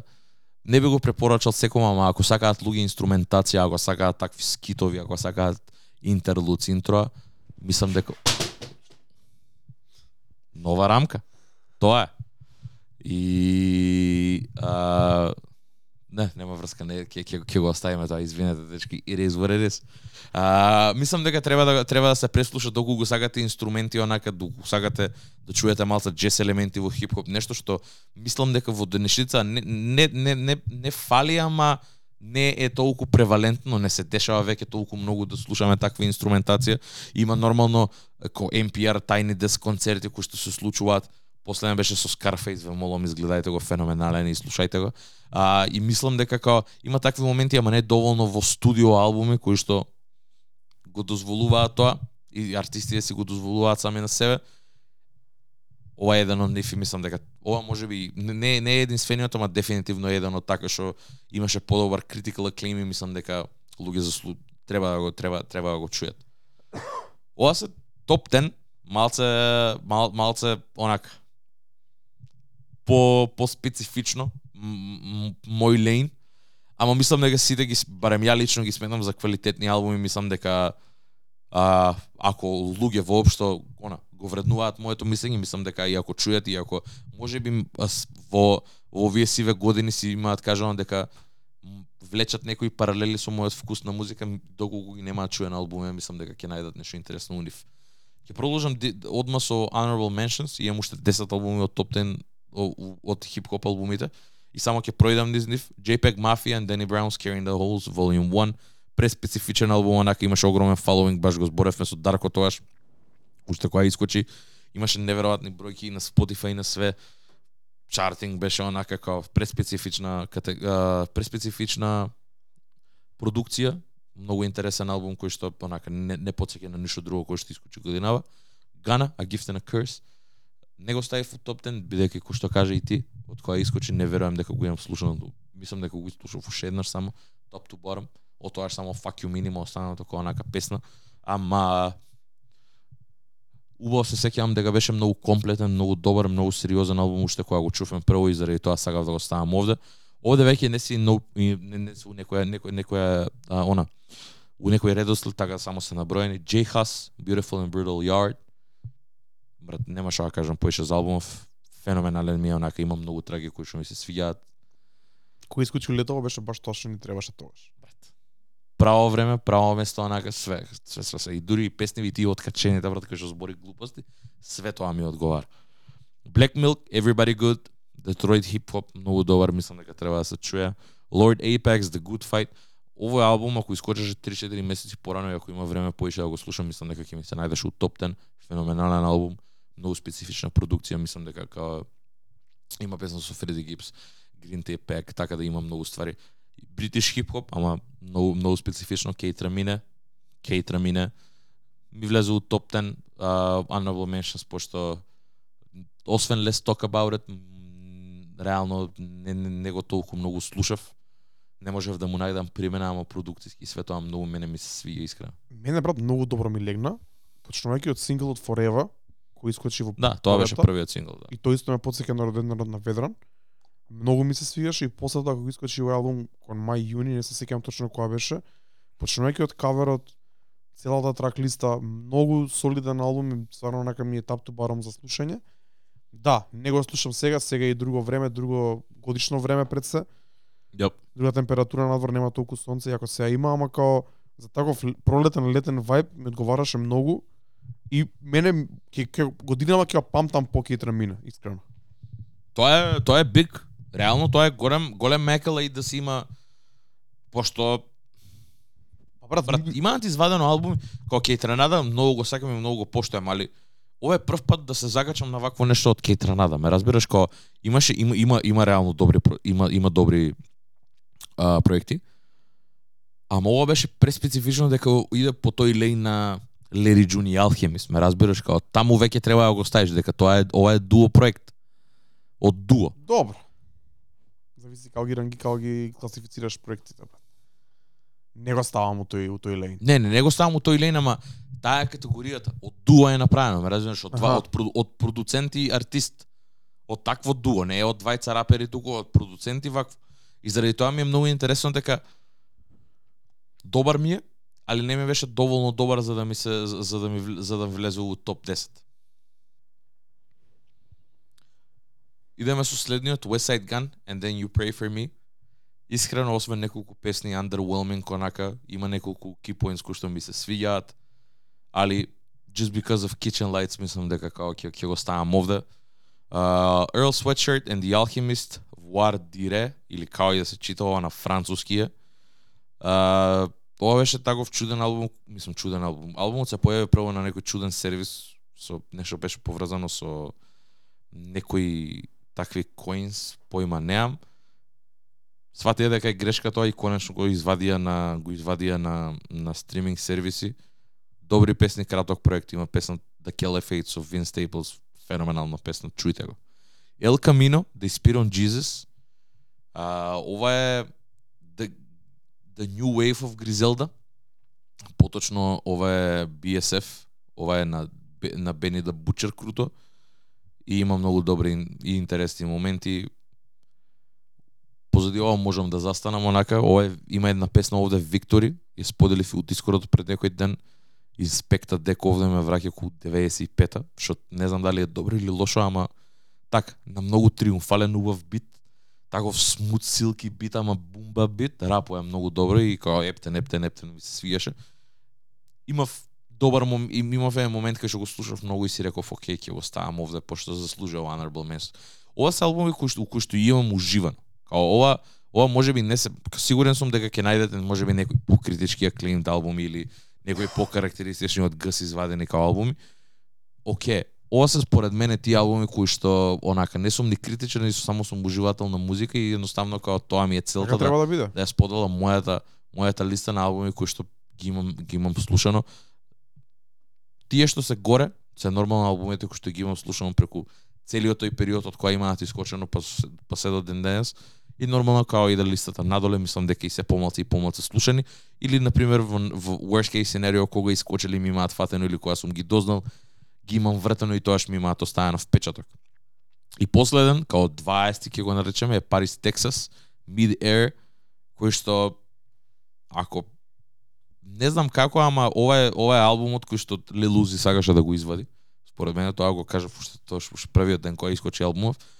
Специфичен албум, а, таков малце хаотичен, има многу интересна продукција. Алтернативен хип-хоп е, ама таква е, поише со со хеви со, со хеви метал, со панк, со рок, тоа ист, ист, од истите места од кај што од кај што влече и Lil Uzi Vert на пример инспирација, ама не е чизи.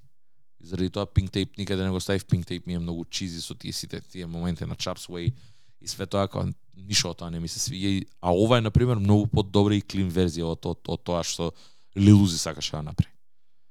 Тоа се 20 албуми за годинава од хип-хоп. Така да ќе се споделат, мислам дека беа многу и брзо пројдов низ нив, нормално не, не сакам да се задржам при многу, ама мислам дека според мене ако вака скриншотнеш хип-хоп албум си honorable mentions, добро ме опишуваат за годинава мене. Не мислам дека имам испуштено некој.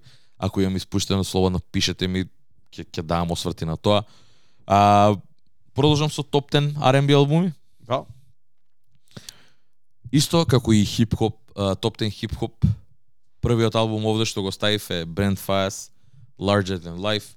И тоа му го реков и на Дарко. А, овие се двата мои албуми за годинава, бидејќи прво и првенствено, на страна дека се квалитетни и на страна дека ми се свиѓаат многу, се двата единствени албуми кои што можам да ги пуштам тапта барам од прва до последна песна, да не скипнам ниту една песна, да ги пеам сите и да ми биде мил албумот и да не ми биде досадно. Што е многу голем квалитет да си има и MyBook, Тоа е поентата. и се два единствени албуми. Од цела година, од све што имам преслушано, имам преслушано доста, ова се двата единствени албуми кои што ми го прават тоа. Значи, Larry June, Alchemist The Great Escape и Brand Fires Larger Than Life и мислам дека и заради тоа заради тоа мислам дека и е number one дефинитивно. Втор, го ставив Black Odyssey, Diamonds and Freaks, исто така албум кој што многу уживав онака, Ја пуштивме трагата оди на нашата епизода, некри. А, таква вајби, трапиш, се пее интересен интересен микс на на на она на, на инспирација, земање, интересен албум. И Black Odyssey мислам дека веќе втори или трет пат ми се наоѓа општо на низ листиве на последните 3 години. И ми е многу добар артист да го пратам онака и го пратам и гледам шо при Интересна ствар. Ин, чудна е, интересна и мислам дека вреде да се чуе. Уесли Джозеф, Glow, ова го зборевме, мислам дека го спомнав. Ова е UK, UK артист, еден млад артист пред се кој што има онака многу многу интересен тек на настане и многу интересна кариера каде што blow up на последниве две години.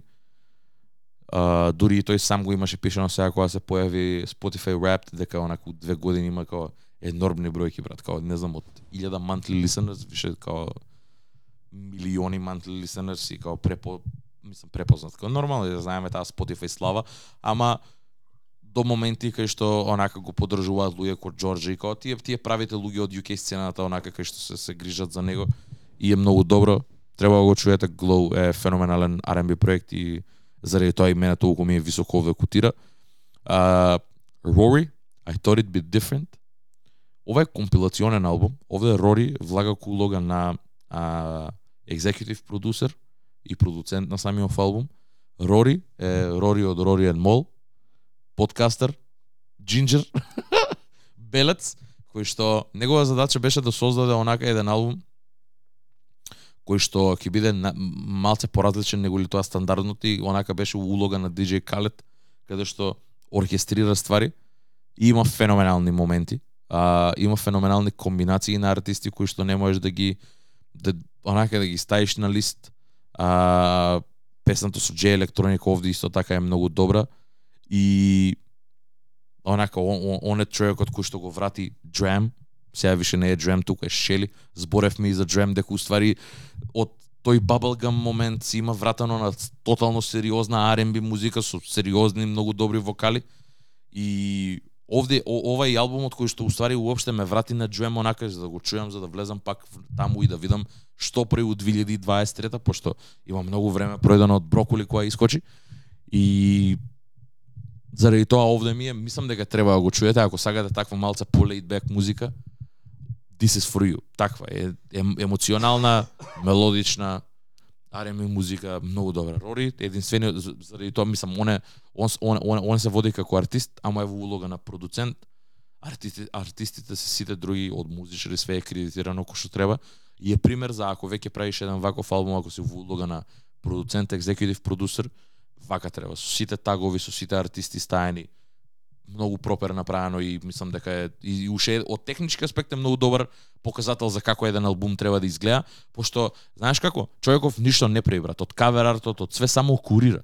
Као таа песна, оваа песна идам со студио со овие тројца сега правам песни. Он ништо не прави, он не пишува песни, ништо не прави, тука едноставно као само оркестрира сето и као знае што е најдобро за неговиот албум. А, Санфа, Лахај, ова исто така еден албум свеж кој што искочи. Искрено на почетокот кога го чув, имав малце не не не критички настроен, ама на крајот на денот сам фами е онака човек кој што го знам за за features, човек кој што има таков ангелски глас кој од небото пратен, не знам како да го објаснам поинаку. И овде го добиваме тоа, малце поспецифична, а, многу по убава музика, weird music пак, специфична продукција, ама е онак за ако си фан на Санфа. Треба да си сам фан на Санфа за да го сакаш овој албум. Или да си фан на нешто кое што е слично, а некако чудно Санфа да не го имаш откриено, па да ти е нов, па да треба да можеш да влезеш овде и можеш да го можеш да го сакаш албумот за тоа што е, ама е малце чуден. Ја имав првиот првиот пат кога го пуштив ми беше малце чудно. После тоа уште на втора трет лисено онака малце ми влезе по по убаво, онака по по по убаво ми беше на уво, али не толку добро за да за да се најде многу повисоко. Значи тие првите првите четири што ги набрав ми беа онака go to. Ако сакам R&B, слушам тоа. Uh, Сиза, SOS е на број 6. Uh, нормално Сиза си ги имаше своите моменти годинава, мислам дека It's Only Right онака за многу луѓе мислам дека ќе и, и, и number 1 или number 2 мислам дека мене ми е Колку излезе албумот? Ова на почеток на година исто така беше. Имаше добри моменти. Имаше добри моменти. Ама и ова е еден од тие албуми кои што исто така се забори. Као пројде време, пројде време и веќе не збори. Као дури и тие песни кои што беа онака големи, не пуш, имаш пуштено. Во ја пуштам од време на време. Таа мислам дека ќе остане. дека ова е 2022 брат. Ова е на ова ова е, ова е на почетокот 2023. Ова е на почетокот 2023. А Daniel Caesar Never Enough. Рик Рос овде го има мојот омилен фичер. Има една песна Вален, Ва- Валентина се вика. И тоа е бонус верзија која Валентина има соло верзија и после Рик Рос влага со Даниел Caesar, многу е јака, треба да ја чуеш. А, го вртев неколку пати онака солиден класичен Даниел Caesar албум. калиучес Red, Red Moon in, in, in Venus. Феноменал. Кали шој да извади, мислам дека веќе ќе слушам. Summer Walker, Clear 2, Soft Light, еве го албумот со Audiohack. А, добар албум, солиден R&B проект, онака тој класичен Summer Walker vibe. Знаеш што влагаш. Кога ќе го пуштиш албумот, ако имаш чуено пет песни од Summer Walker, знаеш кај влагаш. И Джорджа Смит, Flying or Falling. Го зборевме албумов, имавме две песни од од самиот албум овде. Песната со Джей Хас и а, и Little Things која што онак мене ми е исто така едно од не знам дали ја ставив овде на, за за Songs of the Year, а, пошто е многу хип-хап heavy, ама е онака една од песните која што кога и да ми се пушти или сама која пуштам многу уживам. Стилски е многу далеку од нас, тоа е Да, проблемот. тоа, ама немам со што да ја сврзам, као ќе треба како one off да ја пуштам, ме разбираш, да. као немам што да пуштам после тоа. Да, да. Ќе треба да влезам у предите, у, ни, у тие старите Джорджа ствари за да можам да се да да се поврзам некако. Uh, ќе спомнам само на брзина Honorable Mentions за R&B. Uh, овде овде мислам дека уште не сум ни готов, мислам дека ќе имам уште неколку да додам. Овде ќе додав и Сапајли исто така пред да почнеме. Клио Soul, овде имам два албуми кои што ги извади у 2023 Ова е класично, класично, класично R&B, ако сакате онака пеење, па дури и онака не е ни акустик, не знам како да го кажам, такво стрипт продакшн, само пеење, само вокал. Gold и Heaven се вашите go-to албуми од Clio Soul. Uh, Jordan Ward, Forward, онаа песна на Baby Crocs, White Baby Crocs, како и да се вика White Crocs. Uh, многу ја мразам, ама албумот е солиден и заради тоа го ставив. Ама Ray, Fountain Baby, зборевме за ова. Ray, My 21st Century Blues, овде реално брат, као преголеми песни има на самиот албум. Не, не се моите омилени, ама мора мораше мора. Мора, мораше да се најде овде. И Махалија исто така со IRL, а, солиден солиден солиден проект. И као не се не се не се најдобрите, ама мислам дека исто така ако сте од таа сцена, мислам дека ќе треба да го чуете. Махалија исто така ја чув преку Рей и онаков, мислам, Махалија ја знам, ама не знаев дека има нов албум извадено и преку Рей онака кликнав на незиното артистичко име, ми искочи дека има албум. Го чув тогаш, тоа исто така беше пред два месеци. Ја му давав шанса, а мене не ми легна, брат. на IRL. Многу беше некако така, Бавене. та, тажен љубовен, е, да. Е, е таков, е таков. А, тоа се моите топ 20 RM, тоа е тоа е топ 15 R&B, топ 16. Да, топ 16 R&B проекти. Ке има мислам дека уште 4. А, се уште се мислам кој да ги ставам овде. Може би ќе ставам, може би не, не ќе многу да форсирам, не мора да има 20 на секаде. Тоа е и рез во рез, може би немам слушано доволно RM музика годинава. Па и немав кога зборевме усвари за која кога зборевме за за Греми номинациите, кога сватив дека голем дел од тие албуми кои што се таму непоменати, кога збориме за R&B, не ги нијам слушнато, така да Океј сум, I'm content with this. Као не не ми треба поише, немам немам зашто да се фолирам, ако е ова тоа што толку што имам преслушано и is what it is. Се префрлувам на топ 10 траки за годинава. И овде можеме веќе да да да збориме. Lady June and The Alchemist, Palisades, California, кој што кажав, мислам дека Lady June е топ топс топс every list која која ако збориме за хип-хоп годинава. А, многу големи моменти од самиот бит до самото флоу до до Big Sean а, како влага на песнава, мислам дека е многу онака one off, специфична е, со спотот, со све многу добро. Мислам дека проверив на Spotify и имам, имам слушано 120 пати година. Што е премногу. Многу е. Многу е, многу е. Као тоа е rewinds on rewinds on rewinds. Стварно е многу, брат. Премногу е, much. Многу јам заглавено на песнава и мислам дека онака виши стварно ја сонуем и не е ни здраво. А, втора, Ама добра е, брат, стварно е добра. сериозна песна е, брат. Сериозна песна е. Ја на ова што ми е Оп. Од Vibes Cartel? 111 сега. Со тоа што ова е многу кратка и сум ја враќал ти таа по 5 Да, минути. таа е брат. 4 минути, брат, 5 минути е песната. Втора песна е Sauce Walker и Can't Wait the Machine Dan- Dangerous Derringer. Ова исто така ја пуштив на, на емисијата, пошто мораше нормално ед, едно од омилените песни, уште која ја искочи онака, мислам дека пишав јавно на Дискорд, кога ова 100% ќе ми биде Song of the Year, не знам дали ќе може да ми се топне, пошто од деливери до енергија до бит све беше погодено многу.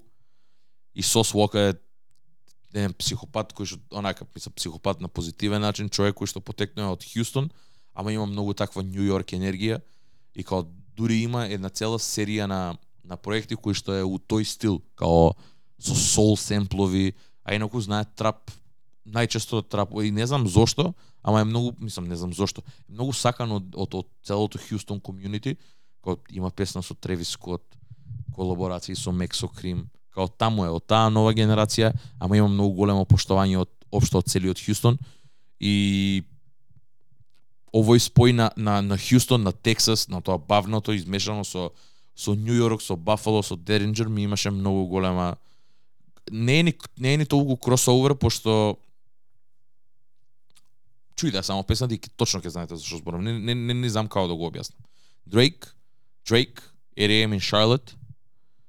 Ако треба една да изберам, без разлика, мислам, без разлика на тоа колку ми се свија сите други од Scary Hours Edition, R.E.M. и Charlotte мора да ми е... Таа беше таа што го најави албумот. Да. Првото нешто што чув кога е кога, кога искучи песната е Conductor тегот, уште толку онака ми се споја тие два света кои што кажев и тогаш. И као it was over for me, као тоа е. Тоа беше тоа. И, нормално, песнава е преубава. И мислам дека и да си најголемиот Drake хейтер, не можеш ова да го не можеш никако да го дисапрувнеш или нешто, а кажеш лошо за песна, брат. Абе само не Објективно е многу добра песна. че обадење јадеше гомна за Југославија. Джо Баден јадеше гомна за Југославија? Да. Мислам дека да. Или Whatever Джо Баден или некој од тие YouTube критичари. Wh- Wherever you go, I go, brother, во Југославија, брат, Барс. А... Реално. Топ четврта песна е J-Hus Massacre, Ама не ти е стајано ама Colors верзија, ќе го добежам тоа. Ќе го добежам тоа и тоа мислам дека е многу битно да се напомени, брат.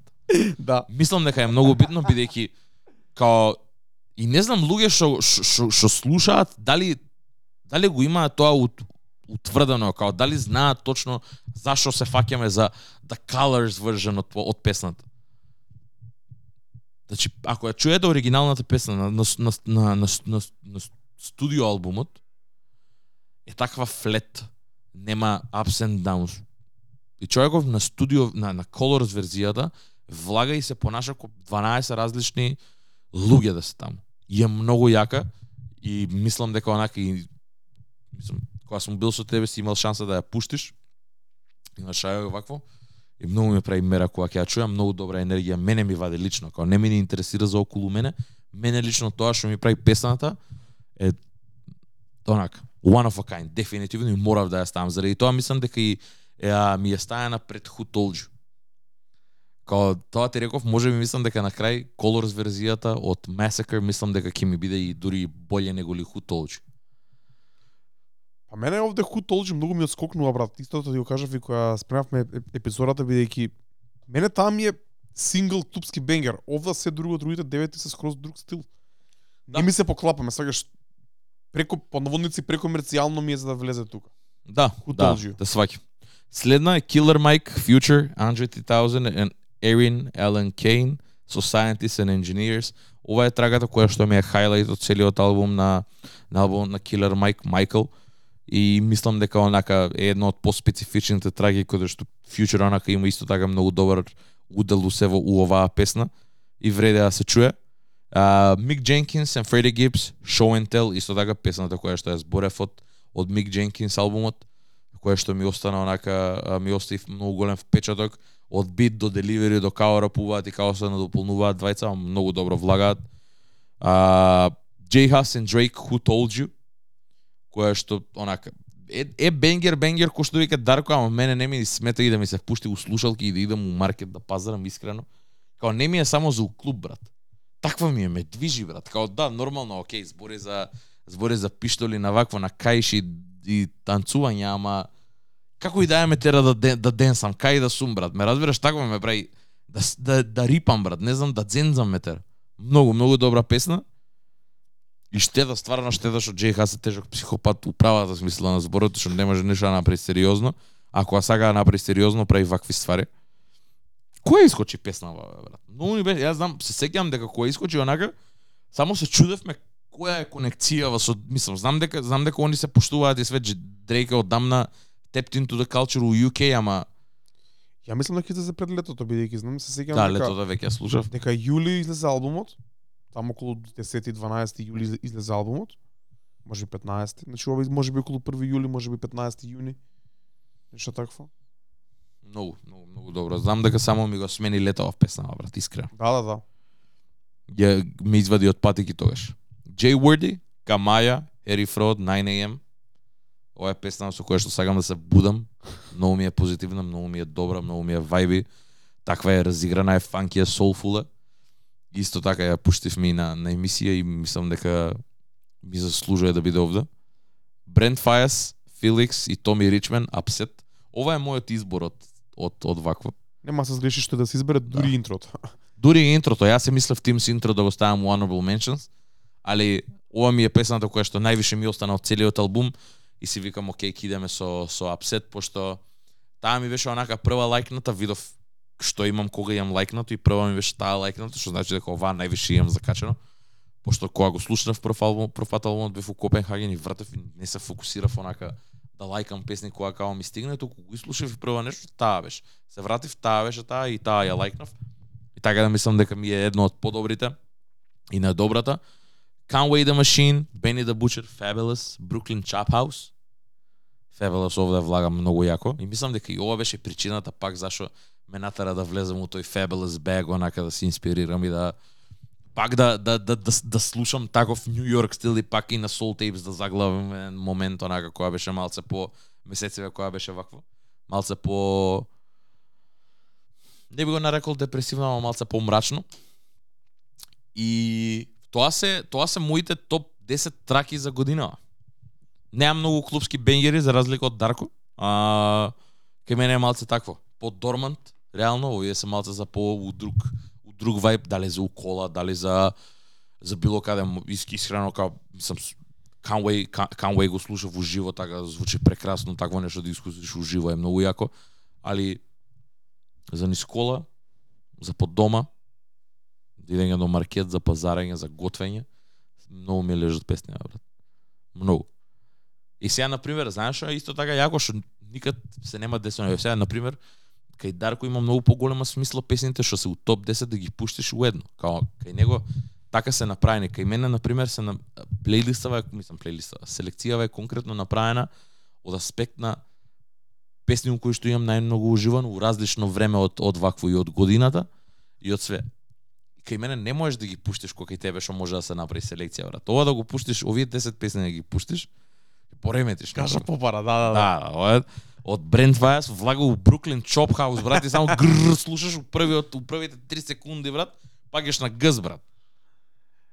Не можеш ова, ова кај мене, ова, ова, ама заради тоа мислам дека е направено, ова заради тоа тие топ 10 песни, заради тоа овде не, не именувам хип-хоп или R&B, овде е од двата жанрови, пошто не можам да не можам да правам топ 10. Не икам Брент Фајас, да, пошто Брент Фајас ми е исто толку јака колку што и некој, многу појака ми е од него, него или некој хип-хоп песни. И заради тоа само ги ставам у топ 10 и пробувам да го извлечам најдоброто. Ама ти, ти како успеа да ги да ги излезеш топ 10 од сите од, од сите овие албуми? Овие ти се баш песните што ти скокна нај, најмногу бидејќи Да. овие Honorable Mentions имаш ставено по рандом ствари што сваќам зашто ги имаш ставено, ама јас на пример не би можел топ 10 да изберам за оваа година.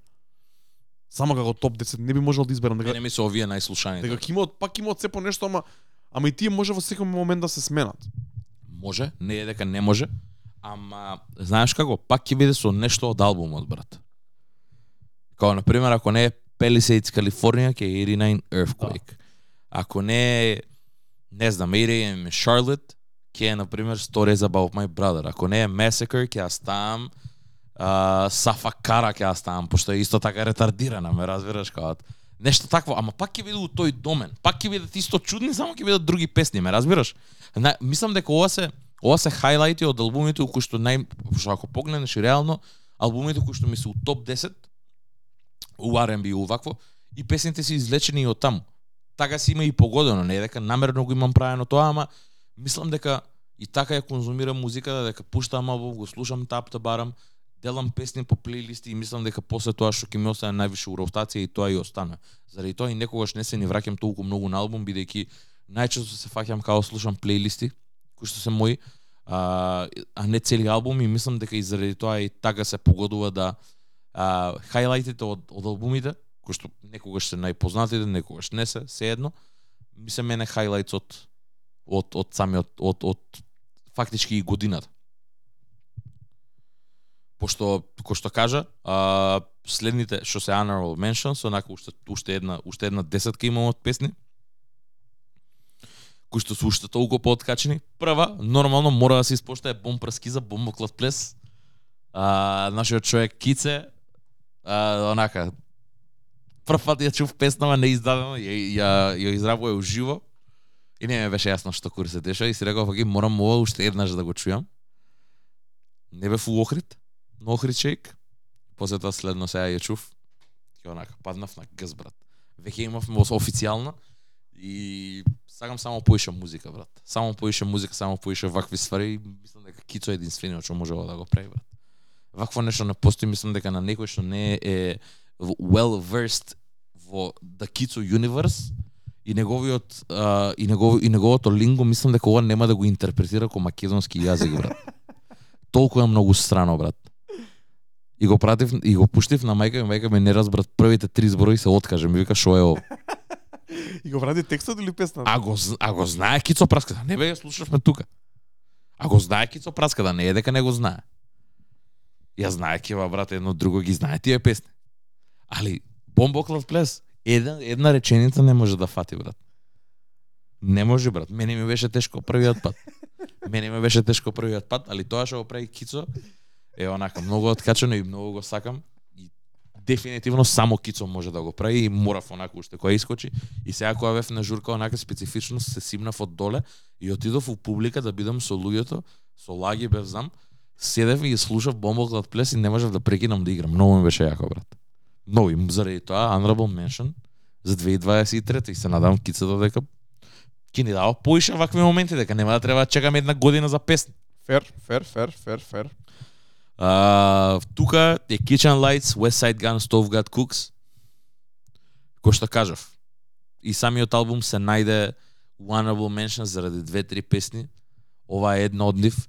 Многу луѓе можеби ќе ја стават и на примери у топ 10 ќе ќе ја вреднуваат пошто е таква. Голема е али ако не беше битот таков кој што е, мислам дека многу луѓе немаше ни да ја зборат. Битот е стварно преспецифичен и преубав. И заради тоа мислам дека и ми се најде и овде. Билли Woods, Kenny Segal, Samuel T. Herring, FaceTime од албумот на Maps. Треба да се чуе. Гана, Fuck You Mean. А, ова комотно можеше да се најде у топ 10. Зарем. Комотно можеше да се најде у топ 10, брат, пошто Ја немам друг трап бенгер. Точно. Ја немам друг трап бенгер. Ова може би нешто од Kig Glock, ама не слушав доволно Glock, го слушав два-три пати и се мислев дали да го ставам. Исто и јас, брат. Ама не ми беше тоа. Лани, лани, лани поише слушав Kig Glock, не знам зашо. Дај чуен, кога искочи, бе? Не знам, брат. Нема сме на почетокот на годината излезе Глакома. Глакома 2. Да, Да. Глакома 2. Па сега излезе Делукс. Да.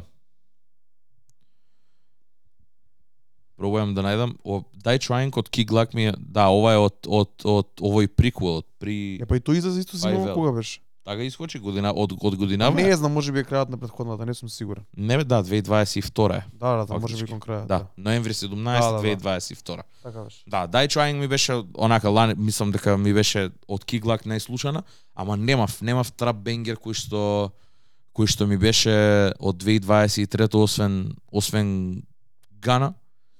Uh, Young Tak албумот онака потврли скрос и сватив дека Гана е ја има ја има завршено својата задача кој што треба стварно. Имаше бенгер онака и имаше многу добри моменти низ 2023 е сега. А, ја доаѓам од, од, од друг аспект кај што мене трап музиката више не ме толку многу возбудува како што ме возбудуваше порано бидејќи голем дел од стварите се played out ама заради тоа Fuck You Man е единствената која што ми остави таков печаток и може би направив грешка а, пошто ми е драга и ми е добра као за кога бев сега у четвртокот Ја рок не ми беше топ. Се уште ми е интересна, брат. Ми нема досадено. Мене брат. исто. А тоа е Ја многу слушам, интересно. ја слушам у клуб и ја слушам само у клуб. Не се дешава на друго место да ја чуем. Фак mean ќе ти излажам ако ти кажам дека дома ја имам пуштано, ме разбираш? Немам причина дома да ја пуштам, али у клуб мава многу јако. У клуб мава многу јако. Така да мислам дека из Океј ми е дека е овде стајана. А, кој што реков Кендрик Ламар, Baby Kim, The Hillbillies, ја ставив honorable mentions пошто имаше таков мал момент уште кога се појави, тоа што има слушното два-три пати, иако ќе бидам искрен, песнава не ми се толку многу свиѓа колку што а, на почетокот онака ми беше. Сега више не ми ни текнува, ама се подсетив пред една недела се подсетив дека уствари песнава постои као сагав да сагав да размислував кои се тие Jersey Club песни со таква продукција кои што се многу извикани, а стики ми е појако од нив. и Хил били се беше и као чеј да видам кога е изваден и сватив дека песнава е извадена сега пред пет месеци извадена. Ми се чини предолго дека има време поминато од кога искочи песна. Многу ми е некако набрзо забораена, ме разбираш? И осеќам дека има премногу време, уствари има пет месеци имаат пројдено од тогаш. И оставив овде, ама не мора и да значи овде дека дека, дека ќе а, Earl Sweatshirt Making the Band Ова е една интересна, многу интересна песна, ова е дри- ова е направено од Drill Beat, Клемс Касино со многу познат семпл. А, мислам дека Дрейк има извадена песна исто на, на овој семпл. Нешто на Drill Beat, не знам, не, сум сигурен, може може да сум грешка. Ама интересна песна. That Mexican OT, Paul Wall Jody, Овој мене ми е познат и ова мене ми е окей. Johnny Deng, многу јака песна. Ова е ова е Texas to the fullest, брат. И која која искочи, која ја чув, дека Пол Вол звучи толку свежо, многу, многу добро. Многу добро и мислам дека уште немам влезено толку многу длабоко дискографијава на That, That Mexican OT. Имам гледано онака на подкасти, имам гледано шопри како, како е, дека е таков откачен стварно. Ептен, ептен, Texas True and True ама уште немам влезено многу у, у, у дискографија. Албумов го чув, ама оваа песна ми е хајлајт од таму дефинитивно. Има такви интересни моменти, откачана е многу брат. И тоа за, сам, само заради него и заради Пол Вол. Овој, да, да, да. Да, овој Джоуди не онака ми е, не, не знам шо бара на песнава, ама тоа е. Гес Гевара, Деми сутра. Ова е можеби најоткаченото нешто што го имав чуено, што го имам чуено годинава. Ова е на како се викаше овој на на Бионси семпло таа песната откачана што ти ја пратив, таа Нью Йорк што е, што имаат рап ремикс направено од Бионси I got tonight, baby. Не Crazy in Love, не е Crazy in Love, како се викаше? Tonight, I'll be a naughty girl. Naughty Girl. Е, по таа песна имаат направено како рап ремикс онаков Нью Йорк и рапува братчева на неа. Многу е откачана, многу ми се свиѓа. И онака како гикавме за оваа своевремено, гикавме скроз. Моду, картија, морав да ја ставам. брат. Морав да ја ставам. Морав да ја ставам. брат. Морав да ја ставам. Ова е единствената афро песна која што се најде овде. И онака е не ми се не верува дека ова ќе го кажам, ама ова е песна која што се појави буквално искочи пред две недели и не сум ни свесен дали некој уопште ја знае, кога не знам брат. Мислам дека само на тебе и на Сарај го пратив Рил, кога на никој го немам правено.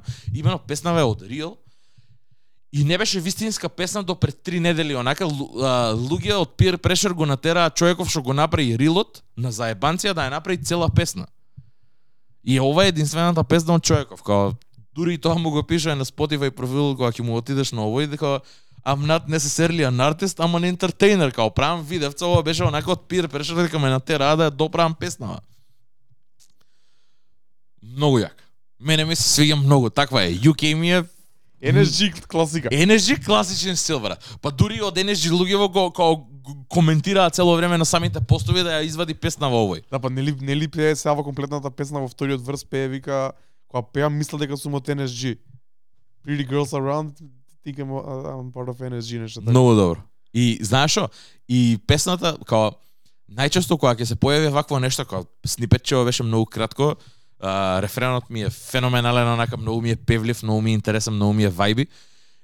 И многу ми е интересно дека и вториот врс не е лош. Да, да. Најчесто е лош. Ме разбираш као тоа име то, тоа име максимумот што може да го извадате као врс и рефрен. Заради тоа си иде песница по сати 20 брат. По минути 20. По минути и 20, извинете. Ово извади солидна песна, окей ми е. И заради тоа викам, окей, ова е единственото нешто кое што ми има така закачано да покажам интерес кон него. Чекав го, заследив човеков. Се нема десено брат од Real да удрам фалоу на некој брат. На овој му отидов фалоу и чекав да извади брат. Со push notification со све и кога ја извади песна ми стигна нотификација и му ја пратив на Дарко. Ја му го му го пратив линкот со Тоа беше 46 викендов, бе, views брат. Тоа беше викендов, значи песната е недела дена стара. Нема ни толку. Ама мораше да влезе овде. Мораше да влезе овде. Ке да се надарам нека станица да ја пушти жими се ти кажа, многу ми е јака, не знам зашо врат, ќе збеснам. И последна песна е Bad Bad Not Good, West Side Gun, Conway the Machine, Mint Chocolate, а, во, во, во соработка со 88 Rising. Исто така специфична песна, многу убав спот, а, колектив на музичари кои што продуцираат музика и West Side Gun и Conway се овде за, за вокалите. А, многу интересен звук, многу специфичен, пак онака го има тој Гризелда, ама има има флейти, има интересни инструменти кои што се користат позадина.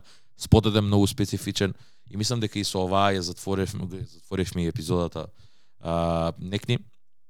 И останаа уште топ 10 throwbacks. Е, овде веќе има све и свашта.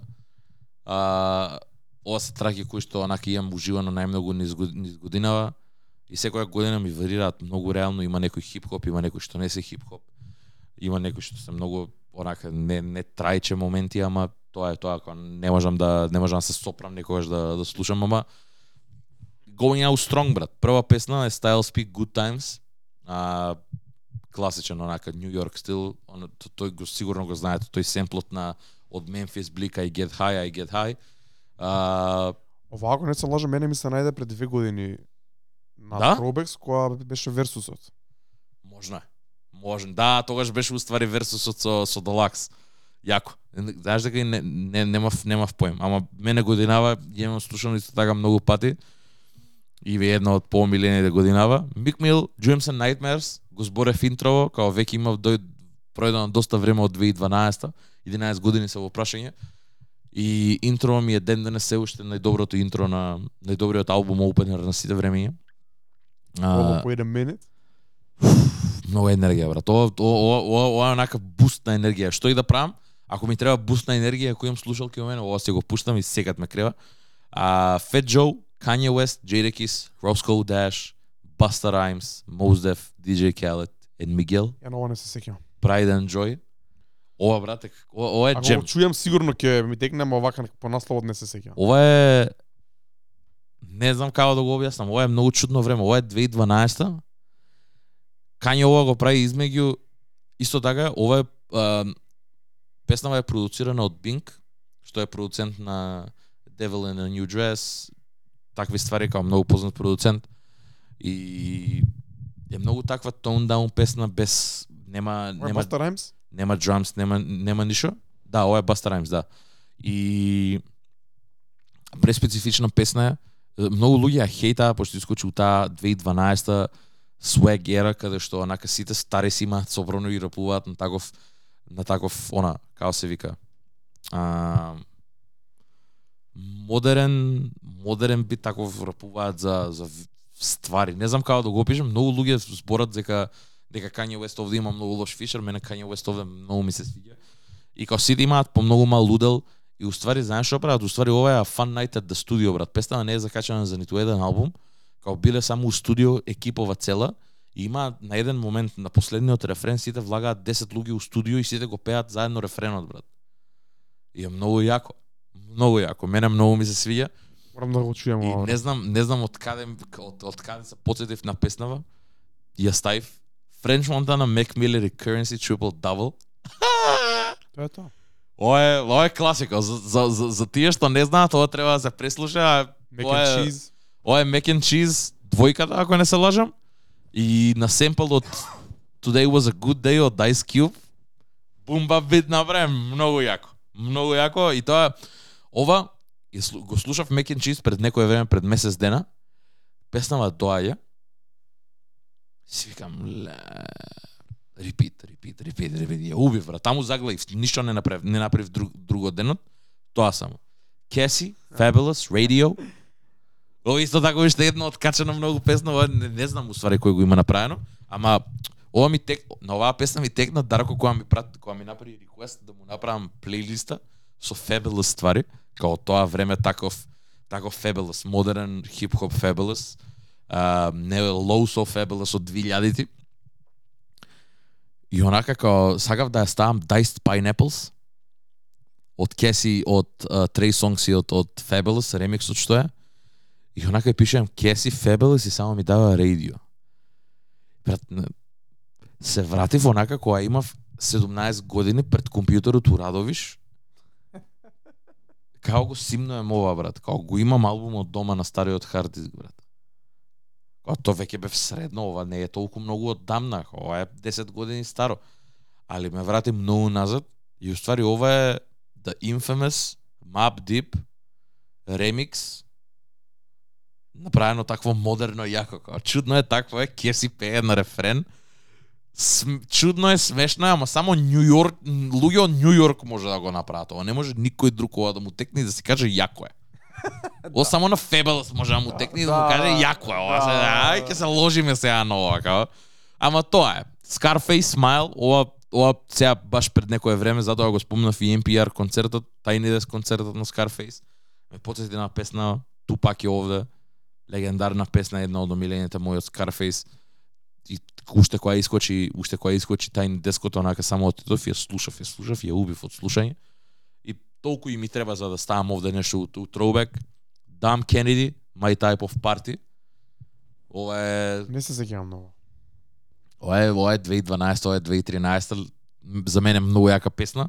А, а луѓе може ќе опознаат, може ќе опознаат битот, битот ќе ќе го најдат на сигурно и попознатиот веќе тој фристайл легендарен на Фреди Гипс кај што си го вдржи синчето и кај што рапува на LA Lakers.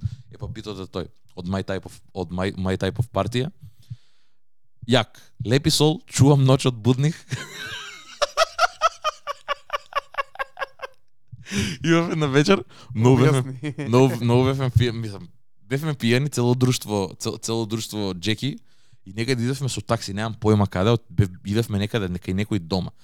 Нека беше два саца, или викаме такси и влагаме у таксито сите такви скршени и врти песнава. И јас седам напред, пошто нормално, нели, тој кој што е најдебел седи напред секад. И седам вага овие тројцава згузени од позади. И само ја слушам песна и ми се свиѓа и му викам која е ова и јас сум мртов ладен од позади ми вика Лепи со бу и, и ми ја кажа е песна. И се навратив, го изслушав албумов. Оваа песна само остана ми се свиѓа, ја ставив имаме на плейлиста таква кај што можам да ги ставам овие кај што можам да си дозволам да ставам вакви песни. И ја вртев доста. И така и се следните три уствари. Стоми и Ямашта, Mysteries of Love, која што исто така е семпл од некаде изваден. Гери Уилсон, Chromium Beach, исто така, која што е искористена за семпл, од таму и ги знам овде shout out to who sample, што ми ги има кажа на овие песни за да ги слушам. И после влагаме A Tribe Called Quest, Find a Way, легендарна песна од uh, од вториот албум на A Tribe Called Quest, Drake, Fear, So Far Gone. Онака. 50 Cent, Do You Think About Me? Ое, е, ое, е, ова ова е, ова е многу чуден пик. Многу е рандом ова. Ова е многу рандом Последниве пик. 10 се многу рандом. Ова е многу ра- многу, многу, многу Ова рандом е пик. шафл на цела дискографија на, на Spotify седа се на шафл ова ќе ти го даде. Реално. Реално. О, оваа песна од 50 Cent инаку од, од тој албум која која правеше турнеја низ цел свет Before I Self Destruct од Down on Me од тој албум. Ама ова е онака cut од тој албум. Така да, ама интересна песна е добар бит, ми се свиѓа. Uh, Pink Floyd Us Them Remastered version 2011. Uh, Pink Floyd класика. Не знам како ги имам закачено овие ствари, ама тоа е The Controllers, If Tomorrow Never Comes, ова е семплот на Search and Rescue од Drake. А, и заради тоа многу ми се свиеш, сакав да истражам да видам што и некако ми се зацвиги песната. песната. Deluxe, If You Think I'm Jiggy, Classic, мислам дека ова е веќе онака брат, зациментиран New York класик е ова. Play a Circle, Lil Wayne, Duffel Bag Boy. Тоа зборевме со Дарко онака 2000-ти, тоа мрсното југот. Lil Wayne овде има 17-18 години макс. Многу добро. Ова цело Room of the Fire мислам дека треба да се преслуша. Big Jenkins and Joe Do, uh, Healer од The Waters. Ова, ова мислам дека ми е константно, мислам дека ова као чит код више можам, ако ми фали песна, можам било која од The Waters ќе да ја ставам и ќе ми биде. ADOT, Reflection, многу специфична песна која што мислам дека е еден од тие хитови кој што мислам хит, која што е само позната на Spotify пошто има некои 7-8 милиони а, стримс. Човеков има извадено нови песни, ама ништо после тоа. И Андре Никатина е Мак Дре, Андре е Андре, што исто така ми е некој тако файн чуден од немам појма од Scouring the Internet, која што ми си има свиѓа, песна исто од 2004 Така да овие последниве две овие овие последниве неколку ствари што ги набројав, последниве 20-30 песни се онака од нигде некаде мишен мешен ми од све живо и диво, миксен меч од све. Ама воглавно ако вака земеш и тоа што што мислам дека добро ме репрезентира од тоа што имам одбрано. Не е не е премногу, мислам дека и ти имаш на пример многу поголема селекција направено дека и поише поише категории имаш, ја не си дав толку многу категории. Сагав вака да постапам, сагав да да биде поскоцкано у смисла ја да си дам задача на пример топ 10 топ 10 R&B, топ 10 траки за да не забегувам многу и најмногу што си дозволи honorable mention за да си ги давам уште тие 10 за да можам по 20 да набравам за за да бидам окей. Одго, ми одговараше лани, ми одговара и сега и мислам дека задоволен сум со листава кој што е. Супер брат, многу интересно. Голем дел од овие работи ги немам ни преслушан, дел од овие тробекс и се подсетив, ме подсети може да си пуштам нешто деновиве. Али се на се добра селекција и вака така мислам дека добра добри листи извадивме, бари ја и ти. Се надевам дека имаме веќе добиено листи, тоа ќе тоа тоа, тоа сакав да спомнам. Ајде. А, кој што кажа Дарко имаше напоменато дека идеме all out со листите годинава и под all out а, значи дека одбравме неколку луѓе кои што се најактивни од Discord да ги дадат своите топ 10. Активиравме Discord Community Picks, како и лани исто пак ги ги шернеме и тие резултати и плюс добиваме листи. Нормално ако од луѓето наши не добиеме листи кои што се од тимот, уште немаме добиено, нема не да ги објавиме нормално. А, ама мислам дека планот беше онака да идеме да, да се да се оддаеме на листиве фул и да со, со цел што може поише да, да, да вакво да споделиме и да покажеме за да може и да споредиме. Тоа не беше најбитно за да видиме кој кој што докае што слуша годинава, пошто мислам дека од година на година се, се менјаат многу работите. Конкретно, на пример, твоите се прилично различни за разлика од лани, а ги гледав и од 2021 и се тотално поинакви, брат. Као таму веќе имаме скроз други пикови, дека уште е корона, уште знаеш, на почеток имаше корона, па тука беше измешано веќе кога се пушта, отпуштаа работи, и малце беше поинако. Ама има разлика, има многу многу е битно и заради тоа да викам кај тебе и конкретно и кај мене не може да се изостави тоа што правиме и како правиме, брат. Ја на пример од 2021 имам сменето и работа и едно и друго. И све тоа ми се има сменето, брат. И го гледам тоа и кај мене, ама кај тебе мислам дека и уште го поише дека од корона, од ковид, од затворени сега си фул он брат секој викенд на секаде И пак си у таа машина, брат, кај што ти си DJ, DJ, мораш ти да нормално е ти треба да преслушаш и трап бенгери тоа што може да влезе у сарато и тоа што може да се пушти и на warm up и на closing и на prime time. Не е само трап бенгери туку, све све све, све all around онак. Да, ама мислам дека и според листиве што ги гледам, опишува нешто друго, ги може да се забележат трендовите на на Fair. музиката која излага или бар на тоа што мене ми се свига од музиката која излага. Сега јас и ти немаме рейдж пикови, немаме опиум да. пикови, што младите го слушаат многу поише. Утопија ке тебе не се најде, ке мене се најде honorable mentions, ако опште се најде. Има други моменти. Лани беше прва година, ако не се лажам, кај што беше афро поише од хип-хоп на Spotify Rap. Оваа година на Stats FM гледам дека но првите ми беа само афро, брат. И гледам дека нема добри хип-хоп албуми. А бев сигурен дека оваа година има боле музика излезено него лани. Е сега, може би го имам тој впечаток, впечаток дека ми легна тој модерен R&B звук, мојот модерен R&B звук, тој клубски R&B звук. Така. Тие некои такви соработки на UK сцената на американската сцена, афро соработки со сите нив као мислам дека така добивам јас дека имам го добивам чувството дека имам болја музика оваа година, ама можам да приметам голема разлика. Првите листи го ги правевме 2020 е брат. Тогаш имаше и Pop Smoke, многу беше да. Jack Boys албумот Гана, беше Гана One, имаше многу повеќе такви Да, такви да, да. трап, дрил.